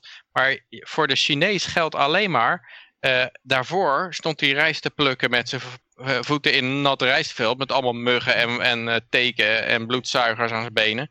En toen ging hij bij een fabriek werken in Shenzhen die eh, appels maakte. En, daarvoor, en dat zag hij kennelijk als een verbetering. Ondanks dat hij daar 14 uur moest werken, moest hij misschien wel 20 uur werken in die, op, die, eh, op die boerderij. 25 uur per dag, want dan Ja, hij uurtje 36 eerder. 36 uur. Ja. Komt hij een uurtje eerder. Nee, maar jongen, even serieus. Ik Dus- bedoel, eh, de vraag is hoe vrijwillig is het om in een Chinese fabriek te werken? Ik bedoel, en, en, heb je wel, ik weet niet of je wel eens beelden hebt gezien, maar waarom zitten daar gewapende soldaten in die fabriek? Ja, nee, maar als dat, als dat het geval is, dan, eh, dan, eh, eh, dan als ze onder dwang zitten, dan, dan is dat fout. Maar je moet je niet vergissen dat, dat het leven van een Chinese landbouwer, boer, dat dat behoorlijk zwaar is. En als die figuur vertrekt naar zo'n fabriek, dan, dan wij kijken naar die fabriek en zeggen, wat een vreselijk leven. Maar een andere Chinese boer, die kijkt misschien en zegt van, oh, dat wil ik ook. Dat is voor mij eh, een verbetering. Dus je moet het niet vergelijken met onze situatie, maar, maar je moet het vergelijken, denk ik, met zijn vorige situatie. En het moet sowieso vrijwillig zijn. En ik denk dat als jij, als jij sowieso geen grenzen meer hebt, als jij eh, als alle, alle regeringen op zouden ophouden te bestaan, wat dan een, eh, een anarcho-kapitalistisch droombeeld is, dan heb je geen grenzen meer. En dan niveleert het natuurlijk heel snel, want dan ga jij eh, allemaal mensen uit China inhuren, want die zijn dan veel goedkoper en dan gaat hun prijs omhoog, die komen allemaal hier naartoe. Je- jij gaat je spullen eh, ook in China kopen, Chinezen komen hier werken en dan, dan vereffent het allemaal, want de mensen die, die hebben dan mobiliteit. Dus, eh, wat, het, het, het idee dat dat, dat dat zo ongelijk zou blijven, dat is net zoiets als dat je een emmer water hebt en je, en je doet een, klontje suiker in de linkerkant en dan denk je van, ja die suiker die blijft allemaal aan die linkerkant zitten. Nee, die, die concentratie ver- vermengt zich. Omdat dat, eh, omdat dat beweegt, al die moleculen. Dan krijg je dat het, op, dat het steeds meer mengt. En dat het uiteindelijk de concentratie overal gelijk wordt. En dat is ook met mensen zo. Mensen blijven niet werken in een, in een vreselijke fabriek als ze aan de andere kant van de wereld een veel rijker leven hebben. En mensen blijven hier niet kopen in hele dure winkels als ze aan de andere kant van de wereld veel goedkoper kunnen kopen. Dus dat nivelleren, dat gebeurt vanzelf. Er wordt ook nog gevraagd om de LinkedIn. Dus die heb ik, ik heb mijn LinkedIn maar even gedeeld in de chat. Voor iemand die ik heb helemaal geen LinkedIn. Nee, ik ook niet. LinkedIn is toch voor mensen die werken. Hè? Dus ik, ik heb wel een account. maar daar hou ik heb wel eens een keer een dronken bui een LinkedIn-account aangemaakt. Die moet nog ergens staan. Maar er staat alleen maar wartaal op. Zo vind je natuurlijk geen, eh, geen potentiële werkgever. Ja, ik kan er niet eens zelf meer inloggen. Dus ik, ik weet ook niet meer wat het wachtwoord was. Want die had ik ook in een dronken bui aangemaakt. Ja. Maar goed, ik heb dus mijn LinkedIn even gedeeld in de chat. En dan zijn we met de chat weer bij. Ja, ehm, productie van waterstof lost capaciteitsproblemen, stroomwerk, regio Emmen op. Ja, dit kreeg ik teruggestuurd van iemand. Ik, ik, heb, hem, ik heb hem zelf nog niet eens gelezen. Nee, Nee. dat bleek Dat wel. is ingestuurd door een luisteraar. Maar wat wilde die luisteraar zeggen dan? Want nou weten we geen van allen wat, er, wat hij wil zeggen. Ik vind het trouwens een hele troostloze foto die erbij staat. Is dit het, is dit het maar ben je wel eens hij over geweest? praat? Ben je- Want, eh, is, Ben je wel eens een, ben je wel eens een Emmen geweest? Ik is dat kan me wel troosteloos, hè? voorstellen Nee, maar dat ze een gaat hier over- capaciteitsprobleem hebben. Ja, ja, ja. Dat hier waterstof kan gebruikt worden voor de industrie op het MTech-terrein, waarvoor nu nog heel veel aardgas verbruikt wordt. En dan kijk je op die foto Ja, ja. en dan zie je gewoon alsof een soort, soort Syrië of zo is dit. eh. Helemaal opgeblazen, overal zooi en hopen stenen. En eh, Ja. ja, het is... Ah, eh, oh, stroomnetwerken zie ik dan staan. Volgens mij, eh, wat dat betreft, kan ik, kan ik me de... Nou goed, misschien moet ik er niet ja, ik heb het wel gelezen, het artikel. iets... Oh ja, ik niet. Maar ik snap niet wat de poster ermee wilde zeggen. Maar het idee was een beetje van... ik weet ook niet meer wie hem opgestuurd heeft. Dan moet ik ook weer even kijken. Helemaal vergeten. Ja, het idee is dat, eh, dat je waterstof gaat produceren voor een bepaald industrieterrein met stroom. Want eh, je hebt natuurlijk het stroomnet, heb je dat dat een beetje overbelast aan het raken is. Doordat er, als er wind en zon is, dat de piek enorm omhoog gaat. En ehm, dan, dat kan je niet kwijt op dat moment. Maar je kan het ook niet opslaan, elektriciteit. En het idee was nou om het op te slaan door er via elektrolyse waterstof uit te halen. Ah, En die waterstof die kan je dan op dat industrieterrein gebruiken. Eh, En die, die hebben kennelijk een enorme behoefte. En zo kan je die overcapaciteit van, van, dat, eh, van die eh, alternatieve, of die van die groene energie kan je zeg maar opslaan. Dus ja, ik, ik, ik heb er een beetje naar gekeken van, ik weet niet precies hoe het rekensommetje hiervan werkt. Want eh, elektrolyse, dat heeft natuurlijk ook een rendement van eh, 60, 70 procent of zo. En ja, er zitten allemaal rendementsverliezen in. Maar ja, als je het toch niet kwijt kan anders, in, in de piek, dan, eh, ja, dan is dit misschien nog wel een handige manier om te gaan doen. Maar ik snap Ja, niet wat ik die, lees wat die wel foto meteen- van die enorme barrazooi erbij doet. Zit er inderdaad... eh, ja, dit- en heeft meteen- meer, eh, is meer troosteloos in, in, in de hoeveelheid Phoenix. Maar eh, Ik zie wel meteen dat er een hoop rendementsverlies is, want dan moet je dus van stroom waterstof gaan maken en dat moet je dan opslaan en dan moet je dan weer stroom van terug gaan maken op een gegeven moment. Nou, ik Dus- geloof niet dat dat energieterrein, dat MTech, of dat dat een chemicaliën toko is. eh, die, eh, dus die, die kunnen dat waterstof gebruiken voor stoken van ketels met eh, fracking of weet ik wel wat die, wat die aan het doen zijn. Maar ze, volgens mij hoeven ze niet naar elektriciteit om te zetten, maar dat weet ik niet helemaal Ah. zeker. Ja, daarom moeten we eigenlijk de originele poster, die had er wat meer informatie bij moeten geven. Wat die, eh, ik ga weer even opzoeken Wat volgens mij is er nog wilde- steeds gewoon gas een van de schoonste manieren van eh, verbranden van... Ja, eh, maar dat eh, eh, mag niet meer uit eh, Poetin, van Poetin gekocht worden. Voorlopig. Ja, ik wou net zeggen, ik wou, je- zegt niet dat het niet meer mag van Poetin, want eh, die, Nee, nee, Poetin nee. die zal het een zorg wezen. Maar van ze de hebben Amerikaanse nou inderdaad- ambassadeur. Hè? De Amerikaanse ambassadeur zei... Ja, dat ze hebben zei nou bedacht dat we met z'n allen moeten, hoe heet die shit, sorry ook alweer, dat, de biomassa, ja, biomassa. Ja. onze, Ah, bomen ja. moeten, onze bomen en andere bomen moeten in de Ik elektriciteitscentraal. zou zeggen, maak een keer een nieuwe, nieuwe kerncentrale hè, en, en, en ga dadelijk ermee aan de slag. Volgens mij is dat eh, nog altijd dus de, de groenste manier. En, en desnoods een beetje in de Noordzee, zo een beetje uit de kust. Dan hoef je hem ook niet per se te zien. Ik begreep wel dat die biomassa, dat dat een beetje, eh, dat, dat, dat daar ontstaat nou eh, tegengas eh, tegen. Ja, nou, dat is eh, uit- ontstaan uit toch een beetje die documentaire van Michael Moore, Planet Ja. of Humans of zoiets. Ja. Die is dan eh, inmiddels ook alweer van YouTube verwijderd, maar dat is een maand of twee geleden is dat uitgekomen. En toen is er inderdaad wel iets, ja, dat mensen eens een keer zijn gaan nadenken, weet je wel. In plaats van alleen maar de verkooppraatjes van de Shell en de BP eh, geloven. Het is wel Het is- triest dat het eh, door een Michael Moore documentaire moet komen. Ja, het, en, maar ik vind het sowieso met al die dingen, joh. Ik vind het zo, de, hoe langer het duurt, hoe meer dat ik me gewoon verbaas over de achterlijkheid waarmee mensen al die marketing maar gewoon als waarheid aannemen. Het is gewoon allemaal marketing. Er zit helemaal geen, geen, geen, geen eh, ja, nou wetenschap zullen we het dan maar noemen, zit er gewoon niet achter. Het is allemaal verdraaide wetenschap, gekochte wetenschap. Wij willen graag aantonen dat als jij bomen verbrandt, dat het goed is voor het milieu. Nou, er is gewoon een, een, een, eh, een onderzoeksbureau, of dat ze nou eh, eh, allemaal pornoacteurs in dienst hebben of niet, maakt, maakt niet eens uit. Want er is een onderzoeksbureau die gaat het voor jou ah, onderzoeken. En dan kun jij dus zien dat het hartstikke goed is voor het milieu om bomen te verbranden. Nou ja, ja. Nou goed, het is nou dus een beetje aan het. eh, dat vroeg ik. Nou goed, dus, Ja, er is eh, ook nog zo'n boek. komt er, er is een boek uitgekomen. Armageddon Never of zo heet het nou ook weer. Ik moet het even opzoeken. Nee, het is... eh eh ding is Never. Eh, Eh, En het is van een milieuactivist. En die milieu Apocalypse Never. Michael Schellenberger. Ja, dat is wel een interessante gast, want het is echt zo'n... eh, het is net zoals die Michael Moore. Zo'n zo'n figuur die heel erg links was. Die ging naar Nicaragua toe met de Sandinistas, het solidariteit. En, en hij was helemaal milieu dit, milieu dat. eh, en, totdat hij op een gegeven moment dacht van... eh, ja, wacht eens even. En dat, het, kwam, het eerste balletje begon al te rollen toen hij bij die, eh, bij die boeren, hij ging tussen die boeren werken in Nicaragua.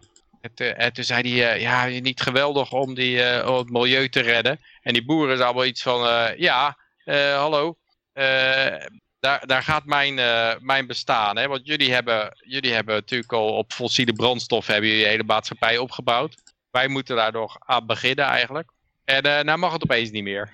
En die, en die, eh, ja, die, die steken ook wel eens land eh, of bomen in de brand om eh, hun landbouw uit te kunnen breiden. Dat mocht allemaal niet meer. Dus er kwamen allemaal enorme straffen op te staan vanwege de milieubeweging. Dus hij merkte dat, dat die milieubeweging, of die boeren daar, die echte, die, die kleine boertjes, waar die kneuterboertjes, waar hij zich dan zo beweerde voor in te zetten, dat die, die hadden een broertje dood aan, aan die milieubeweging. Want die zaten Heel eh. enzovoort. Die hadden hele andere problemen. En hij kwam eigenlijk toen als eerste een beetje tot de ontdekking van... hé, hey, ik kom uit mijn bubbeltje van, eh, van eh, liberal figuren uit Amerika... met allemaal fictieve problemen over global warming en overstromingen enzovoort. En dan kom ik bij de mensen die ik beweer te gaan helpen... en die zijn er eigenlijk helemaal niet blij mee... En, eh, en hij heeft een boek geschreven nou. En dat is misschien net zoiets als dat Michael Moore. Hij is er zelf in ieder geval heel, heel eh, zelfverzekerd over dat dit eh, de zaak gaat veranderen. De blik op milieu. En hij zegt ja, die milieuactivisten voorspellen al tijdenlang Arma, Armageddon. En, of Apocalypse. En, en er komt maar nooit wat van uit. En hij, hij, hij zag het ook toen hij zijn dochtertje had. Die, werd, die, die kwamen helemaal huilend thuis. Want dat dochtertje die kreeg helemaal op school te horen dat wij de hele planeet vernietigden. En eh, die, eh, ja, die vond het eigenlijk heel triest. En toen is hij eens daar ga- anders gaan kijken. En natuurlijk word je dan gelijk verguisd onder je, onder je soortgenoten. En, eh, maar ja, hij heeft het toch doorgezet in dit boek geschreven. En hij is het aardig aan het pluggen. En eh, ja, het verkoopt geloof ik wel goed. En misschien is het net als Michael Moore dat mensen het van hem wel aannemen. Van ja, wacht eens even, dat klopt eigenlijk niet. Ja, ja inderdaad. Het is Ah, ja, toch met reputatie die je al hebt, die meer kan bereiken. Ja, het is iemand, van, Ja, eh, toch, het is iemand eh, uit de linkse hoek. En iemand die helemaal daar in het wereldje zat. Dus eh, ja, dat, dat geloven ze wel dan. eh, toch op autoriteit. Je had toch, je had toch eerder ook die, eh, een van die medeoprichters van, eh, van Greenpeace? Patrick Moore, ja. Ja, die helemaal eh er tegen inging. Ja. ja, op een gegeven moment dan merk je natuurlijk dat het een hele industrie geworden is. Schuld aanpraten en dan boete innen. En ja, ik, ik- ik- ja, op een gegeven moment heb je denk ik genoeg geld. En dan denk je van ja, waar ben ik nou eigenlijk mee bezig? Eh, Ja. Ja. Maar wij zijn door de berichten heen. Ik, ik weet niet of in de, in de chat nog eh, wat reacties Ja, zijn. hebben nog een reactie op mijn je- LinkedIn commentaar dat wij dus niet werken. Hoezo werken jullie niet? Er. Ik werk wel, hoor. jullie je geld? Ja, ja, we hebben hier één Ja. iemand met een baan. En ik werk zelfs tijdens de uitzending nog. Kijk, Ja, ja, ja.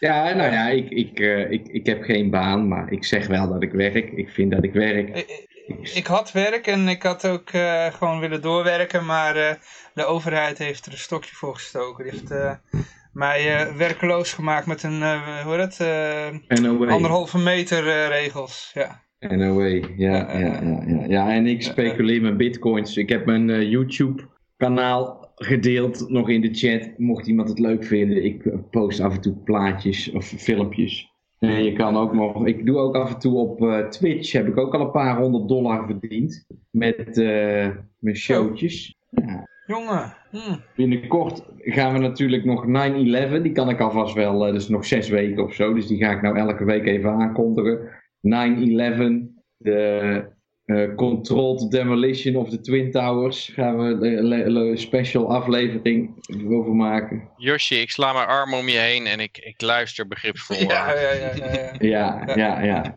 Nou, ik heb dus mensen die hebben de paspoorten van, eh, eh, van de terroristen hebben ze opgeraapt van de straat. Dus die heb ik ook in mijn show. Oké. Nee joh. Ja? Nee, joh. maar dat is het officiële Heel, heel gebouw uh, gruzelementen, maar de paspoorten die... die, Een die- die nucleaire niet demolition, kapot, eh, helemaal Ja, die smolten tot uh, verpulverd. Oh, paspoort. Ja, ja. Dat blijft helemaal heel, geen schram. Dan moet je ook voorstellen hoe dat is. Hè? Je moet dat vliegtuig besturen en dan moet je dus dat vliegtuig proberen te- met die toren te raken. Maar die, die toren raken is net zo moeilijk als tussen die twee torens doorvliegen. En, en, voor je gevoel is dat veel moeilijker, maar die toren raken is net zo moeilijk. Eh, je, hebt, je moet hem heel goed richten. En dan moet je dus tijdens het vliegen je raampje open doen, je paspoort pakken en dan eh, naar buiten gooien, zeg maar, vlak voordat je het, voor die toren raakt. dat is toch moeilijk? ja. Eh, eh, Als je er dus al vanuit wil gaan dat er überhaupt een vliegtuig in die toren gegaan is. hè. Maar daar hebben we een 48, of tenminste, ik weet nog niet eens hoe lang dat ik het... Maar eh, we mo- moeten er wel even bij zeggen, want mensen zullen dan waarschijnlijk zeggen van... Maar hoe kunnen ze dan wel netjes op een landingsbaan eh, terechtkomen? Maar ja, dan zit je al wat meer op de, op de grond. Hè? Dus hoe hoger je zit, hoe meer eh, je last hebt van de, van de lucht, toch? Nou nee, maar deze, deze piloten die we ha- hadden getraind op een, een of ander Cessna vliegtuigjes zo hè. Dus kijk, een, een Mm. echte piloot die zou dit al heel moeilijk vinden. Maar eh, eh, ja, die, die zal het waarschijnlijk wel lukken. Maar eh, ik denk dat het voor een, iemand die, die op een recreatief vliegtuigje heeft getest, dat dat, dat, ja, dat, dat, dat dat wel moeilijk is om, om zoiets te doen. En zeker die, die ene naar Pentagon helemaal. Want dan, die vloog eh, een paar meter boven de grond eh, eh, om, de, om, dat, om dat ding te raken. En dat is, ja, dat is helemaal onwaarschijnlijk als je dat... eh, eh, ja, met een, eh, en er waren, stonden ook allemaal lantaarnpalen. Dus dan vlieg je tegen een, la- moet je een lantaarnpaal af, afknappen en dan eh, het Pentagon binnenvliegen. Dat is, eh, ik heb wel eens iemand gehoord die dat vergelijk heeft. Maar dat vergeleken met de, dat is zoiets als een harddisk-kop die over een harddisk gaat. Dat is eh, de Jumbo 747 die vlak over de grond scheert. eh. Het is heel moeilijk om dat te doen. Kippeling geeft hier nog de opmerking, met de goede training is het allemaal wel te doen. Zo is het maar net, Kippeling. En als je maar goed traint, dan is het inderdaad allemaal wel te doen. Maar ik ben toch eh, sinds 2001 wel steeds meer gaan twijfelen aan het eigenlijk onmogelijke verhaal wat de Amerikaanse overheid tot de dag van vandaag nog steeds volhoudt. Waar ook niet wordt uitgelegd hoe dat het kan dat gebouwen in totale vrije val, zoals gebouw 7, in totale vrije val naar beneden storten. Eh, die ook niet uitlegt Zonder een vliegtuig, door een vliegtuig geraakt te zijn. zonder door een vliegtuig te gaan. En dan hebben ze daarna een simulatie gedaan, een computersimulatie, bij een gerenommeerde universiteit, ergens in Alaska geloof ik. En eh, die hebben berekend dat van de 69 kolommen of zo moesten er 66 tegelijk falen. Dus eh, om, dat, om dat zo in te laten storten. En, en dat is onmogelijk als je een, een vuurtje, een brand hebt, want die brand die werkt niet tegelijk in op al die kolommen. En dat die, al die kolommen over de volledige hoogte eh, totaal krachteloos maakt, maar alle weerstand eruit haalt. En, dat, dat, en, ik heb ook later, zag ik, eh, toen eh, zag ik het bouwkundegebouw in brand staan in Delft. En dat stortte na een dag branden of zo, stortte dat ook in. Maar dan stortte er één stuk in, zeg maar. Dat, dat ene stuk viel zo naar beneden. En dan brandde het nog wat door. En dan viel er half uur later weer een stuk weg. En dan viel er nog een stukje weg. Maar niet eh, een, een, een ding met, eh, met, eh, met bijna 70 kolommen. Die, die allemaal, allemaal opeens tegelijk hun hele sterkte verliezen over de volledige hoogte. En dat het dan een Ah, vrije valsnelheid naar beneden knettert. Ah, de, de mensen die nog steeds willen geloven in dat verhaal van de Amerikaanse overheid, die moeten dat vooral lekker doen. En die, die lopen vandaag de dag met hun, met hun maskertjes over straat. En dat is allemaal prima, hartstikke leuk. Maar ik ben er niet één iemand van. Kibbeling stelt nog de vraag.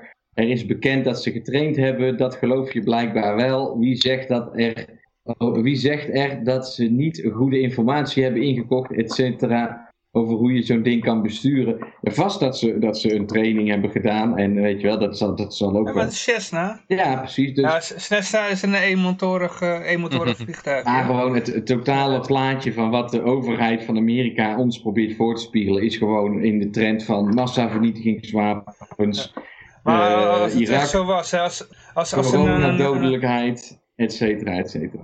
Ja, wat er, maar als een, als zo'n vliegtuig zeg maar de, de, de Pentagon, oh, sorry, nee, ik bedoel de, de, de World, het? World Trade Center eh, raakt, hè, heeft geraakt, dus die, die, die bestuurder die heeft dan echt die training gehad en het, eh, hij is hartstikke goed te vliegen en nou, hij raakt die, eh, dat, dat, dat gebouw Uh, hoe, hoe, kan dat dan sowieso instorten? Dat is dan ook de vraag. Hè? Dus ik bedoel, er, er, is ook wel eens een, een bommenwerper tegen de uh, Empire State Building aangevlogen. Ja. Maar, en, dat, en dat gaat dus nog niet eens in op dat gebouw wat helemaal niet door maar, vliegtuigen ja, geraakt is. Kijk, die, want er is ook nog een gebouw ingestort wat niet door vliegtuigen geraakt is. Ja, ja, ja, ja, ja want voor die andere hebben ze, hebben ze de pancake-verklaring. Want de pancake-verklaring is van er vloog een vliegtuig in en de kerosine die maakte het staal zwak. Niet, uh, deed het niet smelten, want het wordt maar 600 graden of zo. Dus weer, dat maakt het stel, uh, staal zwak. En toen viel er die, die die uh, vloeren die hingen met uh, stalen beugels hingen die aan zo'n uh, aan zo'n core. En dit, dat werd zwak. Dan valt die ene vloer naar beneden, die valt op die volgende. Nou, die kan het dan helemaal niet meer houden. Die valt op die volgende en die kan niet meer houden. En dan, dan gaat het zo naar beneden. Dus daar hebben ze een, in ieder geval een theorie voor. En ik moet zeggen, toen ik die de eerste keer hoorde, geloofde ik dat wel. Maar WTC 7, dat is inderdaad de grote vreemde eend in de bijt daar. Omdat daar inderdaad geen vliegtuig ingevlogen is. Daar waren alleen branden. En opeens in een moment valt, verliest het over de volledige breedte, de volledige diepte en de volledige hoogte als een sterkte. En zakt het zo als een, als een stof in elkaar. En ja, dat... Vlak ervoor zat de presentator al te vertellen van, uh, dat hij ingestort was, terwijl hij achter hem nog stond. Ja, dat... En toen zag je hem even later achter hem zo woep, in elkaar zakken. dus hij wist al van tevoren dat hij in elkaar ging storten. Ja, dat is ook een vreemd verhaal. En, uh, dus je weet, de C7 is, uh, is, en ik durf niet, ik wil niet zeggen wat er wel gebeurd is daar. Uh, mm -hmm. Ik heb wel, er is een van de Russische geheime agenten, The Third Truth heet dat. En die heeft een hele lange documentaire en die heeft er wel interessante ideeën over. Mm -hmm. Maar het is sowieso, als je weet de C7 op losse schroeven komt te staan, het verhaal, dan is natuurlijk ook de, de, de vraag van ja, dan komt daar een reden boven waarom dat ding ingestort is. En of daar nou explosieven ingebouwd zaten of dat dat uh, uh, op een andere manier gebeurd is. Dan, dan begin je natuurlijk ook vragen te stellen, ja, wat klopt er dan van WTC 1 en WTC 2? Uh, klopt dat verhaal, dan, is dat, dat, dan, dan valt het hele, hele verhaal in duigen eigenlijk, ook Precies. de rest van die verklaring. En dat is hetzelfde, en als we toch maar even, want dat is allemaal zo lang geleden en het spijt me dat ik dat nou weer oprakel, want het is pas over zes weken. Maar als we het nu op, op de coronacrisis van vandaag, ga kijken naar, of tenminste ga kijken naar, uh, de, de, de, het medicijn van die corona, uh, wat die huisarts Rob Elens iedere keer naar voren brengt, dat hydrochloroquine in combinatie met zink, uh, wat dus gewoon door artsen in Frankrijk, Nederland, Duitsland, New York gebruikt wordt en met positief resultaat uh, die allemaal de, dat Je corona... moet alleen niet gaan uh, over, overdosissen als, zoals de Die gaan overdosissen. Nee, oké, okay, heel goede opmerking. Uh, en nu, nu worden er dus studies gestart met een gemanipuleerde wetenschap in de Lancet. Wordt die studie weer opgeheven, want dan zeggen ze, nee ja, de Lancet, dat is wel zo'n goed blad en die hebben nu iets gepubliceerd.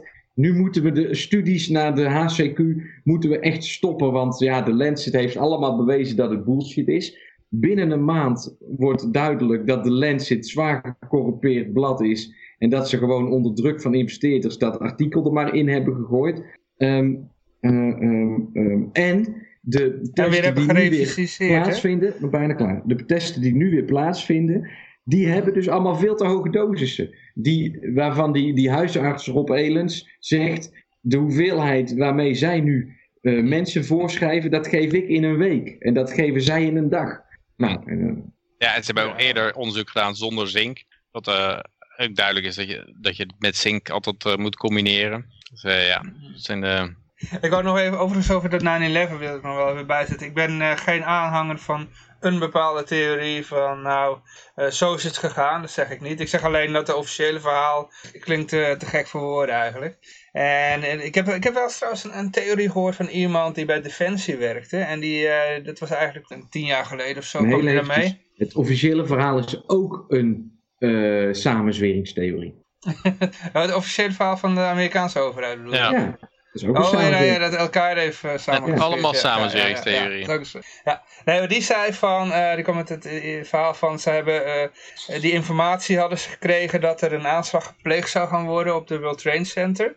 En, dus dat, maar ze wilden niet hun mol of de, de bron waarop ze van informatie hebben gekregen, wilden ze niet prijsgeven. en daarom gingen ze die aanslag geheel gecoördineerd doen.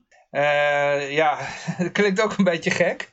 Maar daarom hebben ze de, met control demolition hebben ze die torens maar naar beneden laten vallen. Want uh, stel je voor dat die schuin zou neervallen, dan zal die over, de, over heel New York vallen.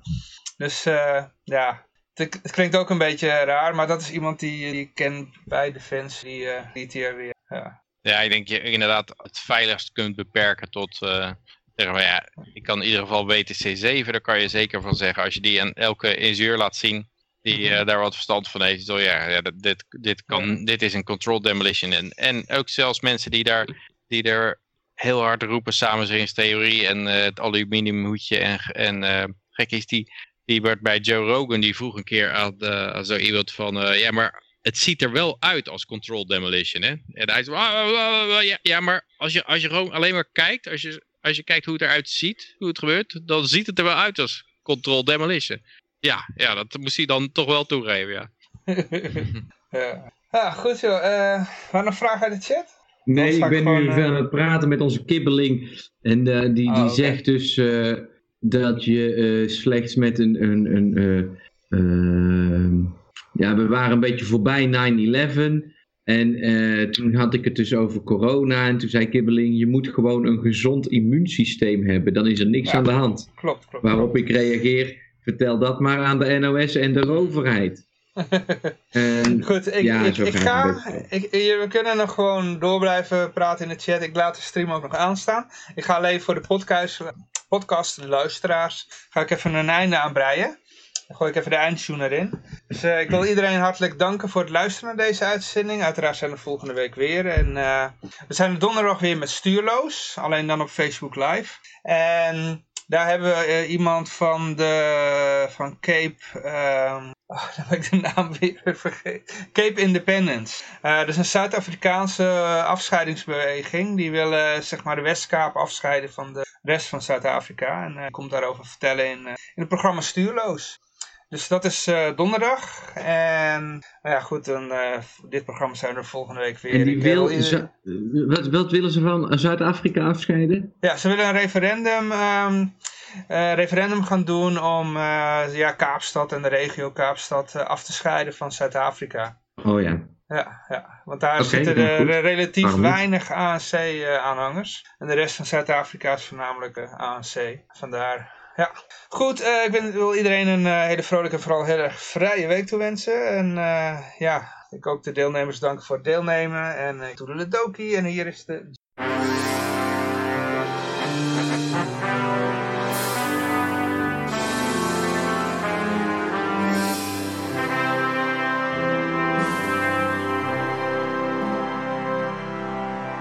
Geweest, Het is nokken. Ah, maar je, je, je, kan nog even doorlullen hoor. Ik ga alleen even naar de, naar de wc toe. Nee, ik ga je dus, de goede nacht wensen. Doei. Ah, Oké. Hoi hoi.